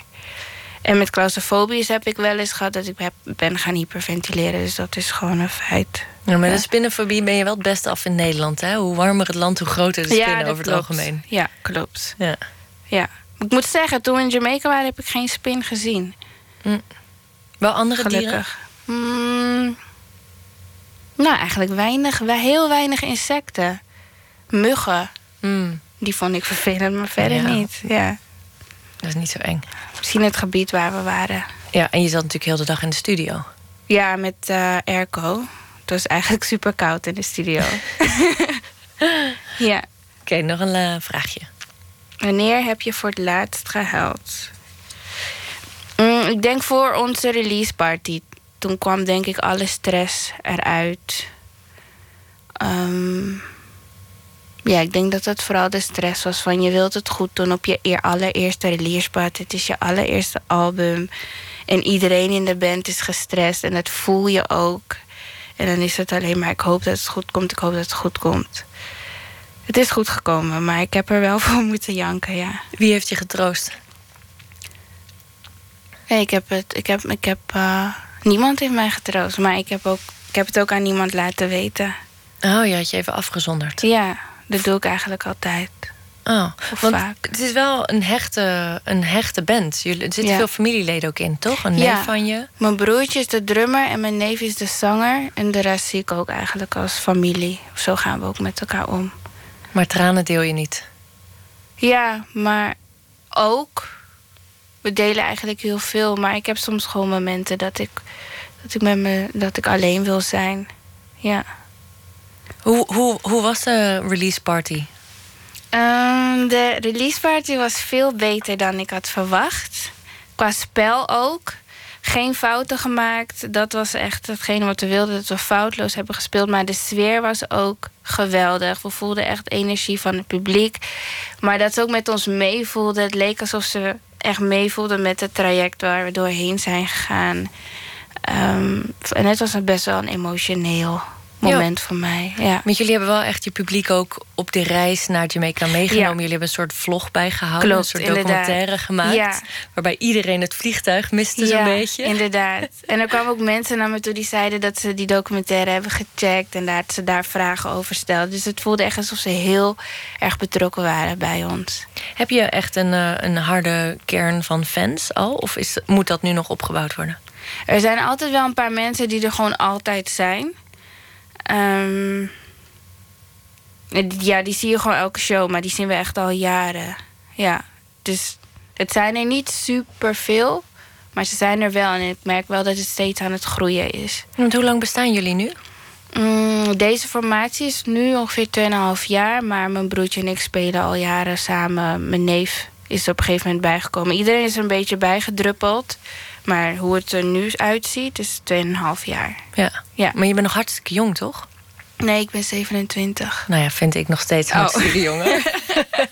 ja. Kom we nu nog een vraag. Oké. Waarvan heb je spijt? Mm, ik denk dat ik spijt heb dat ik mijn ik daar spijt van?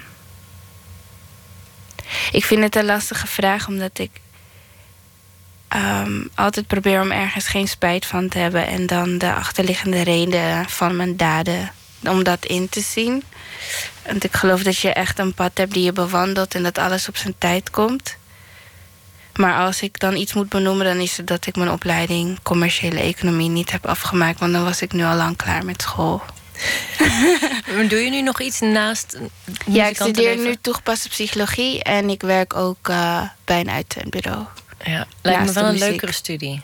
Toegepaste ja, is, dat past ook veel beter bij me. Ja. ja. En doe je nog modellenwerk? Nee, doe ik niet. Wordt me wel vaak gevraagd. Ja, want je bent toch model geweest voor de Black Hair Contest? Oh, toen was ik uh, nou geen model geweest, maar je kon je inschrijven. Het was een competitie, een misverkiezing. Voor de Miss Black Hair, inderdaad, ja. Ja, want je hebt een prachtige bos dreadlocks. Klopt. sinds wanneer heb je die? Um, toen ik 17 was, heb ik, uh, ben ik ermee begonnen. Dus dat is, wow, tien jaar. Mm. ja. Dat is geschiedenis op je hoofd. Ja, heel veel geschiedenis. Ja. En waarom deed je mee aan die wedstrijd? Um, nou, in eerste instantie dacht ik dat het er alleen om ging dat je mooi haar hebt en wie er het best mee om kan gaan en dat je dat kan laten zien. Maar eigenlijk ging het daar niet helemaal over. Het ging er vooral over um, dat je als donkere vrouw, als zwarte vrouw, um, zelfliefde kent. ja, en dat is best als je kijkt naar de media, dan wordt de zwarte vrouw niet echt positief belicht. Dus um, om op die manier elkaar te empoweren en te laten zien dat donker zijn ook mooi is. Ja. Heb je toen gewonnen? Nee, ik ben 50 geworden. Ja. Ja. Ja. Maar toch een prachtige bos haar. Ja. Gelukkig. Laten we nog een vraag doen. Oké. Wat vind je lelijk aan jezelf? In ieder geval niet je haar, dat weet ik. Nee, ik vind niets lelijk aan mezelf. Ik vind niet snel iets lelijk, ook niet bij anderen. Maar soms vind ik wel dat ik een, misschien een cupmaat groter mag hebben. Oh, ik ga nu toch heel even... Spieken. Ja. ik kan het niet laten. Nee, het is niet iets waarvan ik dacht, nou, dat uh, mis je nu. Maar Nee. Het is natuurlijk een eh, persoonlijke voorkeur. Ja, klopt. Iedereen heeft wel wat. Tuurlijk. Ja. Nog één? Ja hoor, kom maar op. Wat zoek je voor eigenschappen, voor eigenschappen in een vriend? Mm, ik moet met je kunnen lachen, dus we moeten, eh, ja, dus humor. Ehm, ik wil ook wel eh, diepgaande gesprekken met je kunnen voeren. Ehm, er moet respect zijn en trouw. Wie is je maatje in de band? in de band. Ik denk dat iedereen wel mijn maatje is. Ja? Ik heb met iedereen wel een andere band. Het lijkt me wel pittig om met familieleden in de band te zitten. Ik bedoel, je gaat toch op tour, je drinkt wel eens wat... je doet wel eens ondeugende dingen misschien. Klopt, maar die grenzen zijn allemaal overschreden. Oké, je Ja. weet alles van We iedereen. weten alles van elkaar. En, Geen eh, schaamte. nee, in het begin ook veel ruzies gehad. Maar aan de andere kant, als ik tegen mijn broertje zeg... hou je bek, dan is het niet gelijk klaar. Dan is het gewoon weer goed vijf minuten later. Dus de grenzen zijn wel... ehm, ja, wat kleiner dan als je het hebt als je niet met familieleden in de band zit. Je kan meer van elkaar hebben. Ja, klopt. Hm. Ja. Laten we nog één laatste vraag doen. Oké. Eh, waar lig je wakker van? Ik lig best wel vaak wakker, omdat ik dan ga nadenken over. ehm, over werk of over de band. Ehm, hele kleine dingen die op de dag zijn gebeurd, kan ik wakker van liggen. Ehm, ja, eigenlijk zorgen waarover, waarom ik wakker lig. Of als ik een goed optreden ge- heb gehad, kan ik ook wakker liggen. Omdat ik nog steeds energie heb en hyped op ben van het optreden. Dus over van alles kan ik eigenlijk wakker liggen. Ja. Dankjewel voor de komst naar de studio. Gedaan. ik wil nog een keer vermelden dat jullie eh, album Peace, Love and Dub net is verschenen. Mhm. En dat jullie op de komende weken op allerlei verschillende plekken te zien zijn. Ja, Eh, om te beginnen komende vrijdag in de Helling in Utrecht. Klopt, inderdaad. Je gaat waarschijnlijk zo goed spelen dat je de nacht helemaal niet meer kan slapen. Ik hoop het, ja. nou, ik moet wel slapen de volgende dag dan in Groningen. Oké, nou, Ja. heel veel succes en Dank je dankjewel. wel. Jij ook.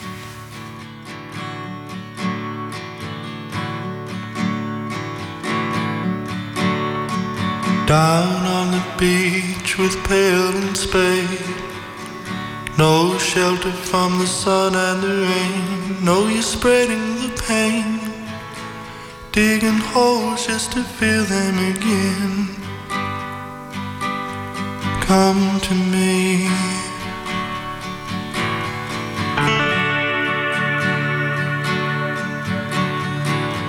There's nothing sweeter than you when blind.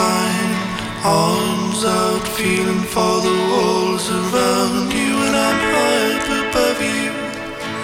Looking down with my bird's eye and loving you. Come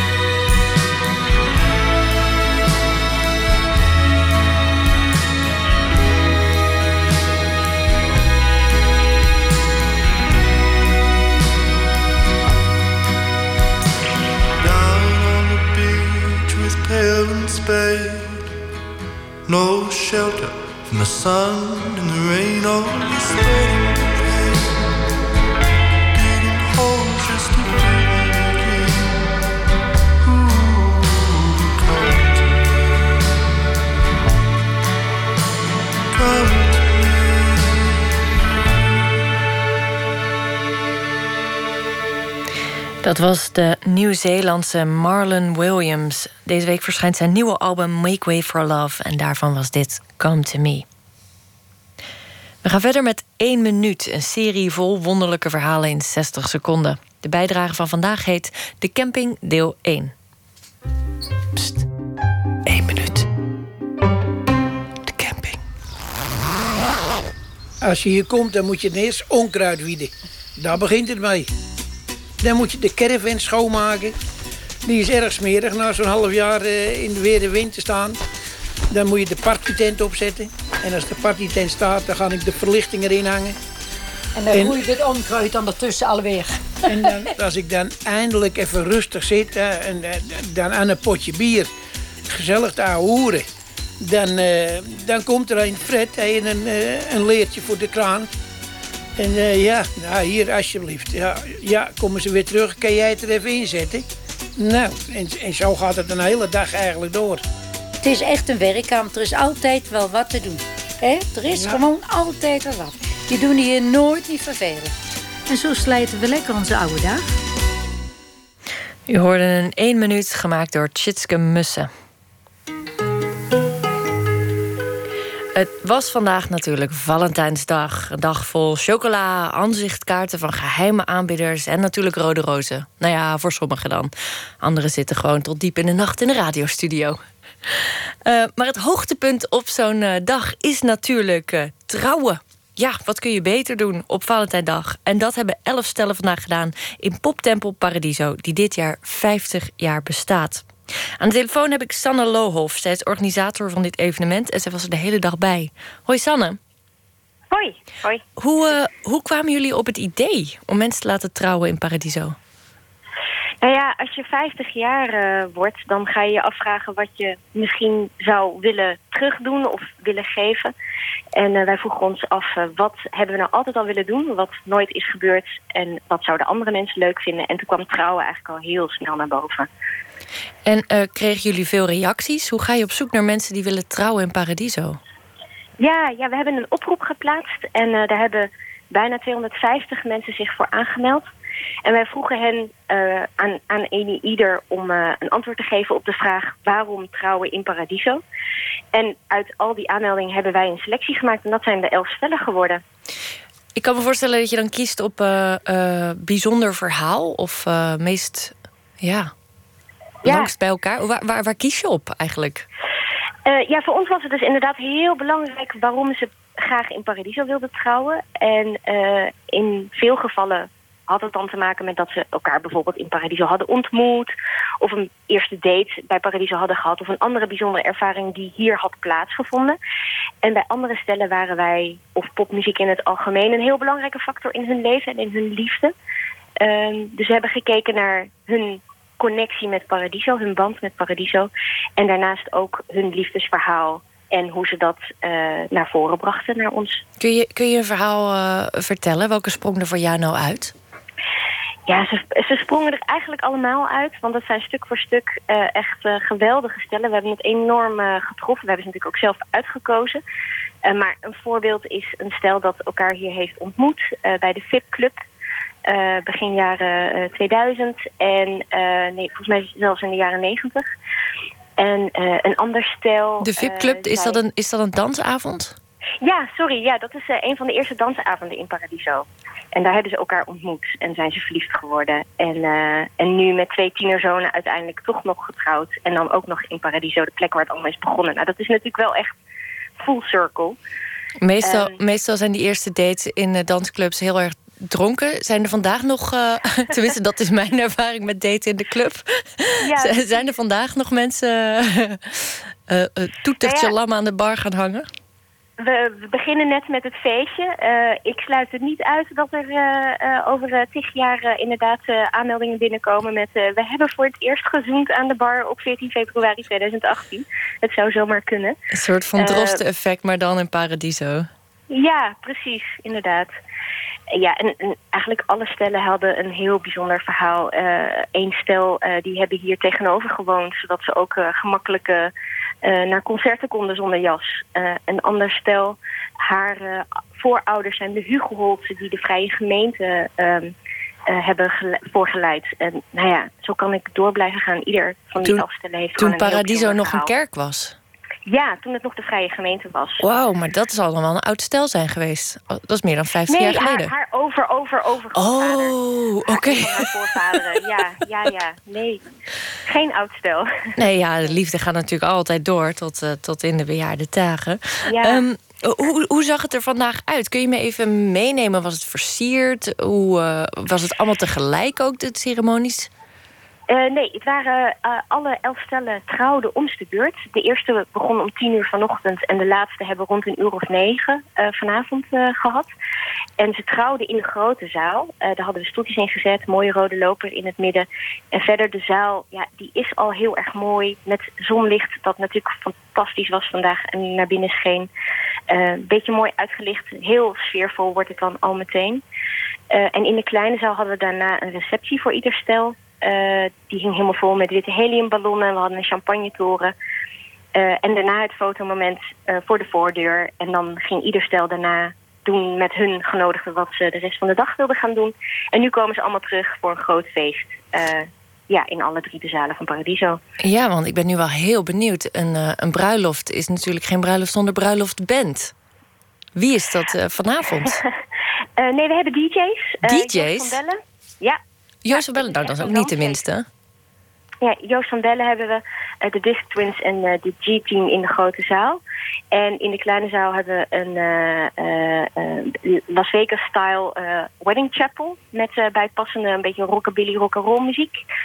En in de kelder hebben we een Bollywood-thema... omdat we ook een Hindoestaanse ceremonie hebben gehad eerder vandaag in de kelder. En dus die is helemaal in Bollywood-stijl aangekleed. En moeten de gasten dan bij hun eigen feest blijven? Of mogen ze ook nog een beetje gaan dwalen? Ze mogen gaan dwalen. We beginnen zo meteen met alle stellen. hebben een stukje op het balkon waar ze even samen kunnen komen met hun genodigden. Maar vervolgens is het één groot feest. En ja, er zijn ook andere stellen, mensen die een kaartje hebben gekocht. Dus het wordt gewoon één groot liefdesfeest. Oh, spannend. En uh, Sanne, ik wil toch even vragen... hoe was jouw Valentijnsdag? Heb jij nog uh, kaarten gekregen? Nee, ik heb geen kaartjes gekregen. Ook geen huwelijksaanzoek? Uh, nee, er ging wel net iemand uh, op zijn knie uh, voor mij, maar dat was om een andere vraag te stellen. maar de liefde die ik vandaag heb meegemaakt tussen die stellen, ja, ik heb er redelijk wat traantjes weggelopen pinken. Ja. Oh, mooi lijkt me dat. Ja, heel mooi. Heel bijzonder dat ze dit met ons ook wilden vieren. Denk je dat dit een terugkerend evenement gaat worden?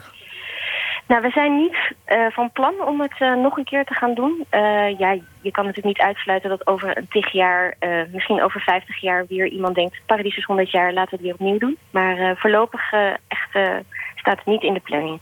Moeten de mensen elkaar maar gewoon dronken aan de bar versieren? Precies, dat is ook een heel goed plan. Kijk, dankjewel. En veel plezier nog vanavond op het feest. Ja, dankjewel. Oké, okay, doei. Oké, okay. doei.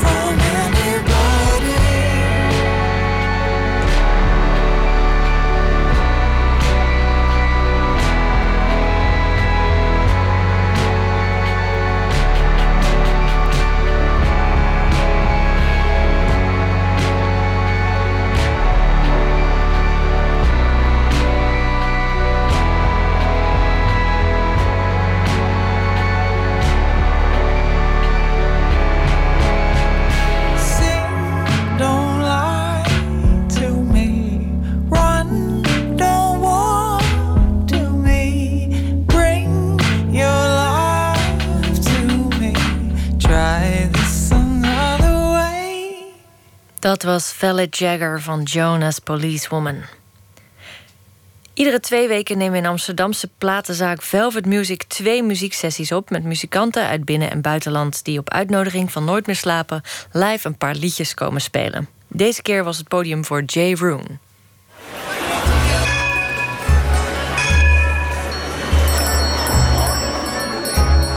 Hallo, ik ben Jay Roon, alias Jeroen Mesker.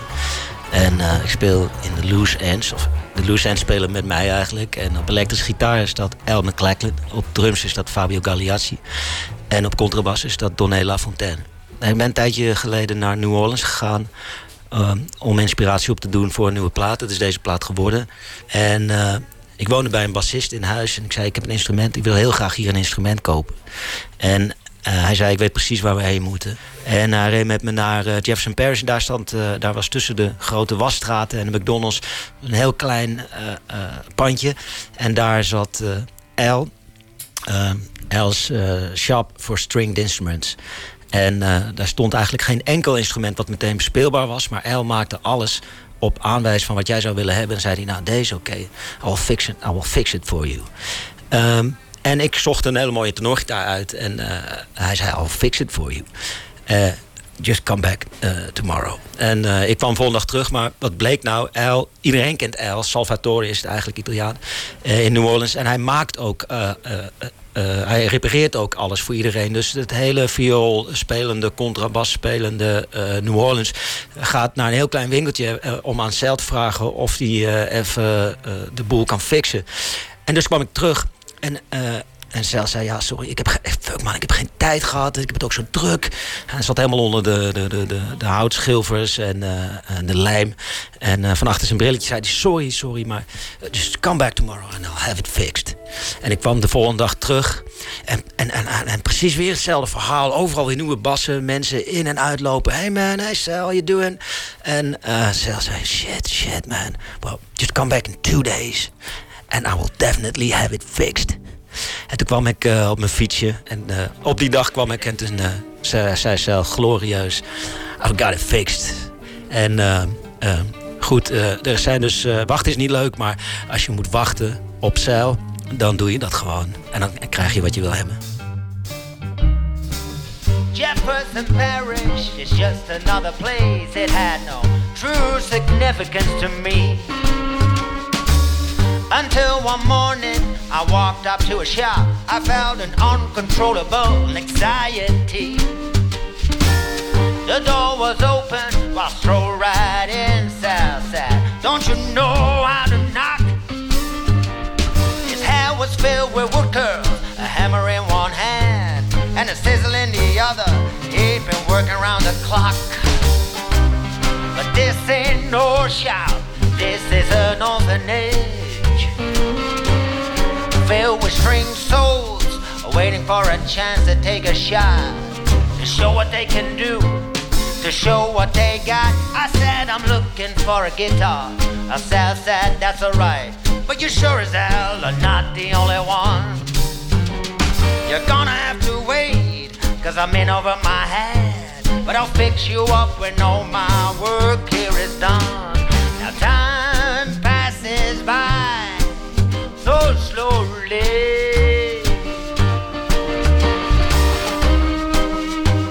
Every hour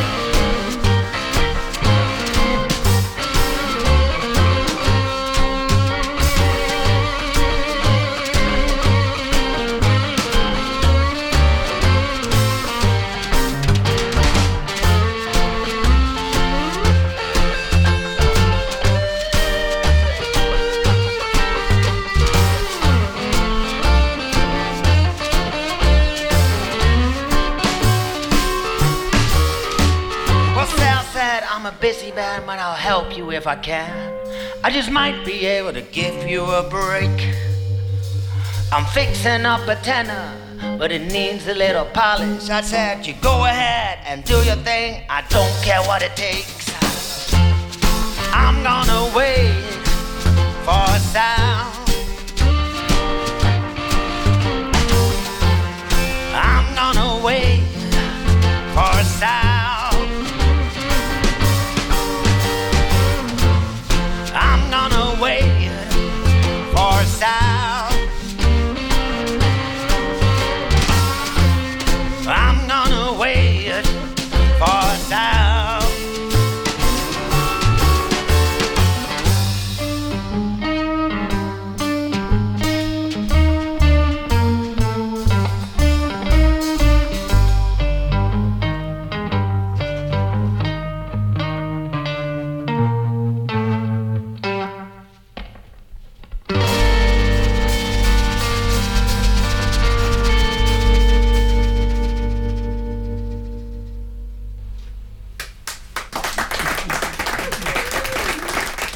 Ja, de koffer uh, Roadhog or Die.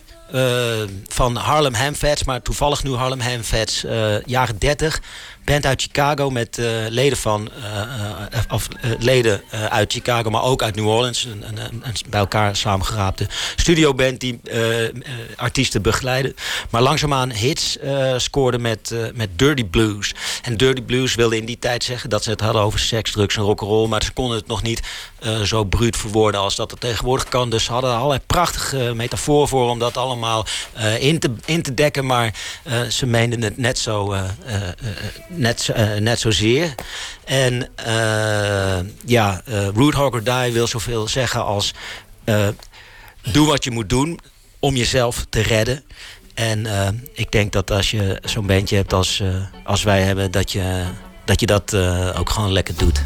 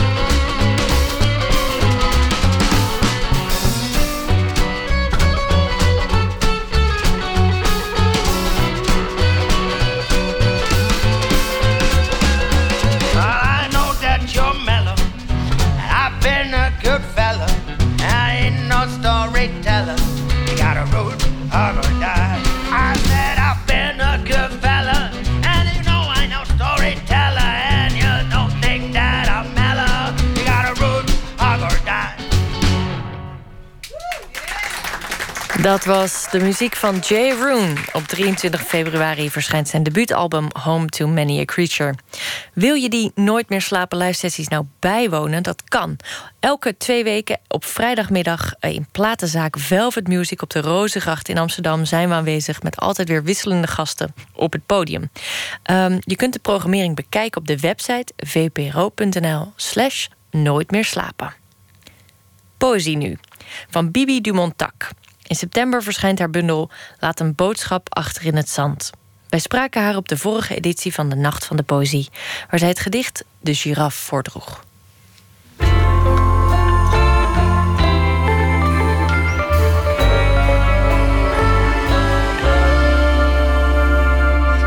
De giraf.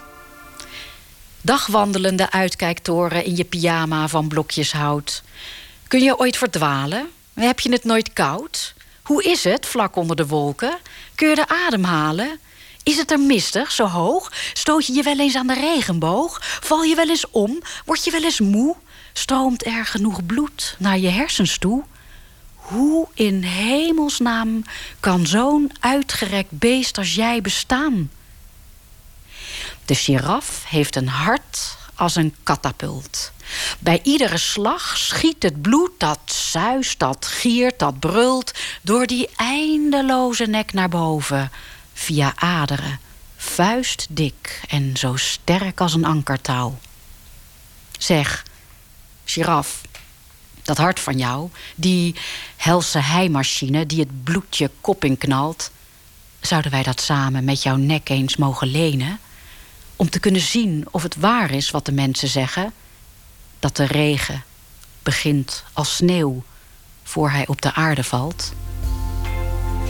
Dit is het eerste gedicht in mijn leven dat ik ooit heb geschreven. Dat komt omdat ik. Nou, dichters, dat, gedichten, dat vind ik de hoogste literaire vorm. En ik wist zeker dat ik dat, dat, ik, dat ik dat niet kon. En ik moet ook eerlijk zeggen, ik kan het ook niet, gedichten schrijven. Maar Um, omdat ik altijd uh, dierenverhalen voor kinderen schrijf, uh, werd er wel eens gezegd: Oh, jou, jij schrijft zo poëtisch. En toen dacht ik: hey, misschien zou ik dan een nieuw, aan een nieuw genre kunnen beginnen. Want ik schrijf normaal dus non-fictie. Ik dacht, ik zou non-fictie poëzie kunnen schrijven. Dan heb ik wel de, heb ik de waarheid in gedichten. Dat zou ik kunnen proberen. En dit was mijn eerste gedicht. En nou ja, zoals ik al dacht, onmogelijk eigenlijk. En toen. Uh, kon ik maar niet ja, tot een conclusie komen. Vooral dat op gang komen, dat ging nog. Maar dat einde vond ik zo lastig. Wat is er dan zo bijzonder aan die giraf? En waarom zou ik die giraf willen zijn? En toen ben ik een keer heel lang gaan hardlopen. En toen wist ik, jij komt niet thuis voordat je een mooi einde hebt. En toen bedacht ik opeens, oh ja, dat zou ik graag willen zien. Dat je, wat de mensen zeggen, dat kunnen wij nooit controleren. Maar als je een giraffennek hebt, dan, nou ja, dan zou dat kunnen. De giraf.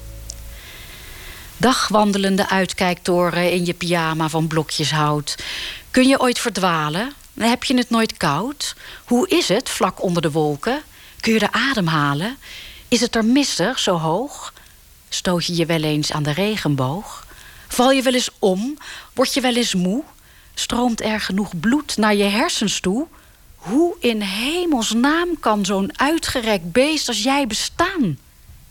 De giraf heeft een hart als een katapult.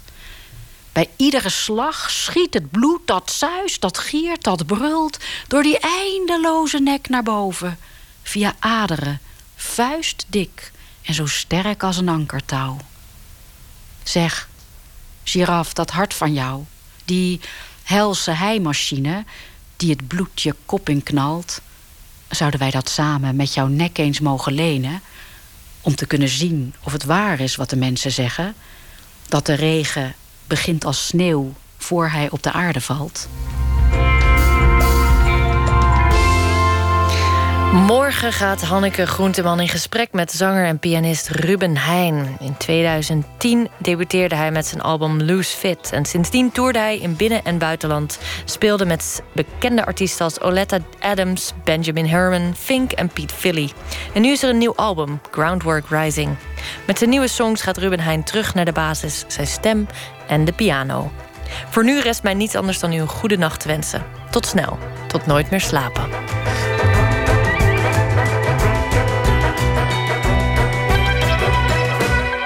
Op Radio 1, het nieuws van alle kanten.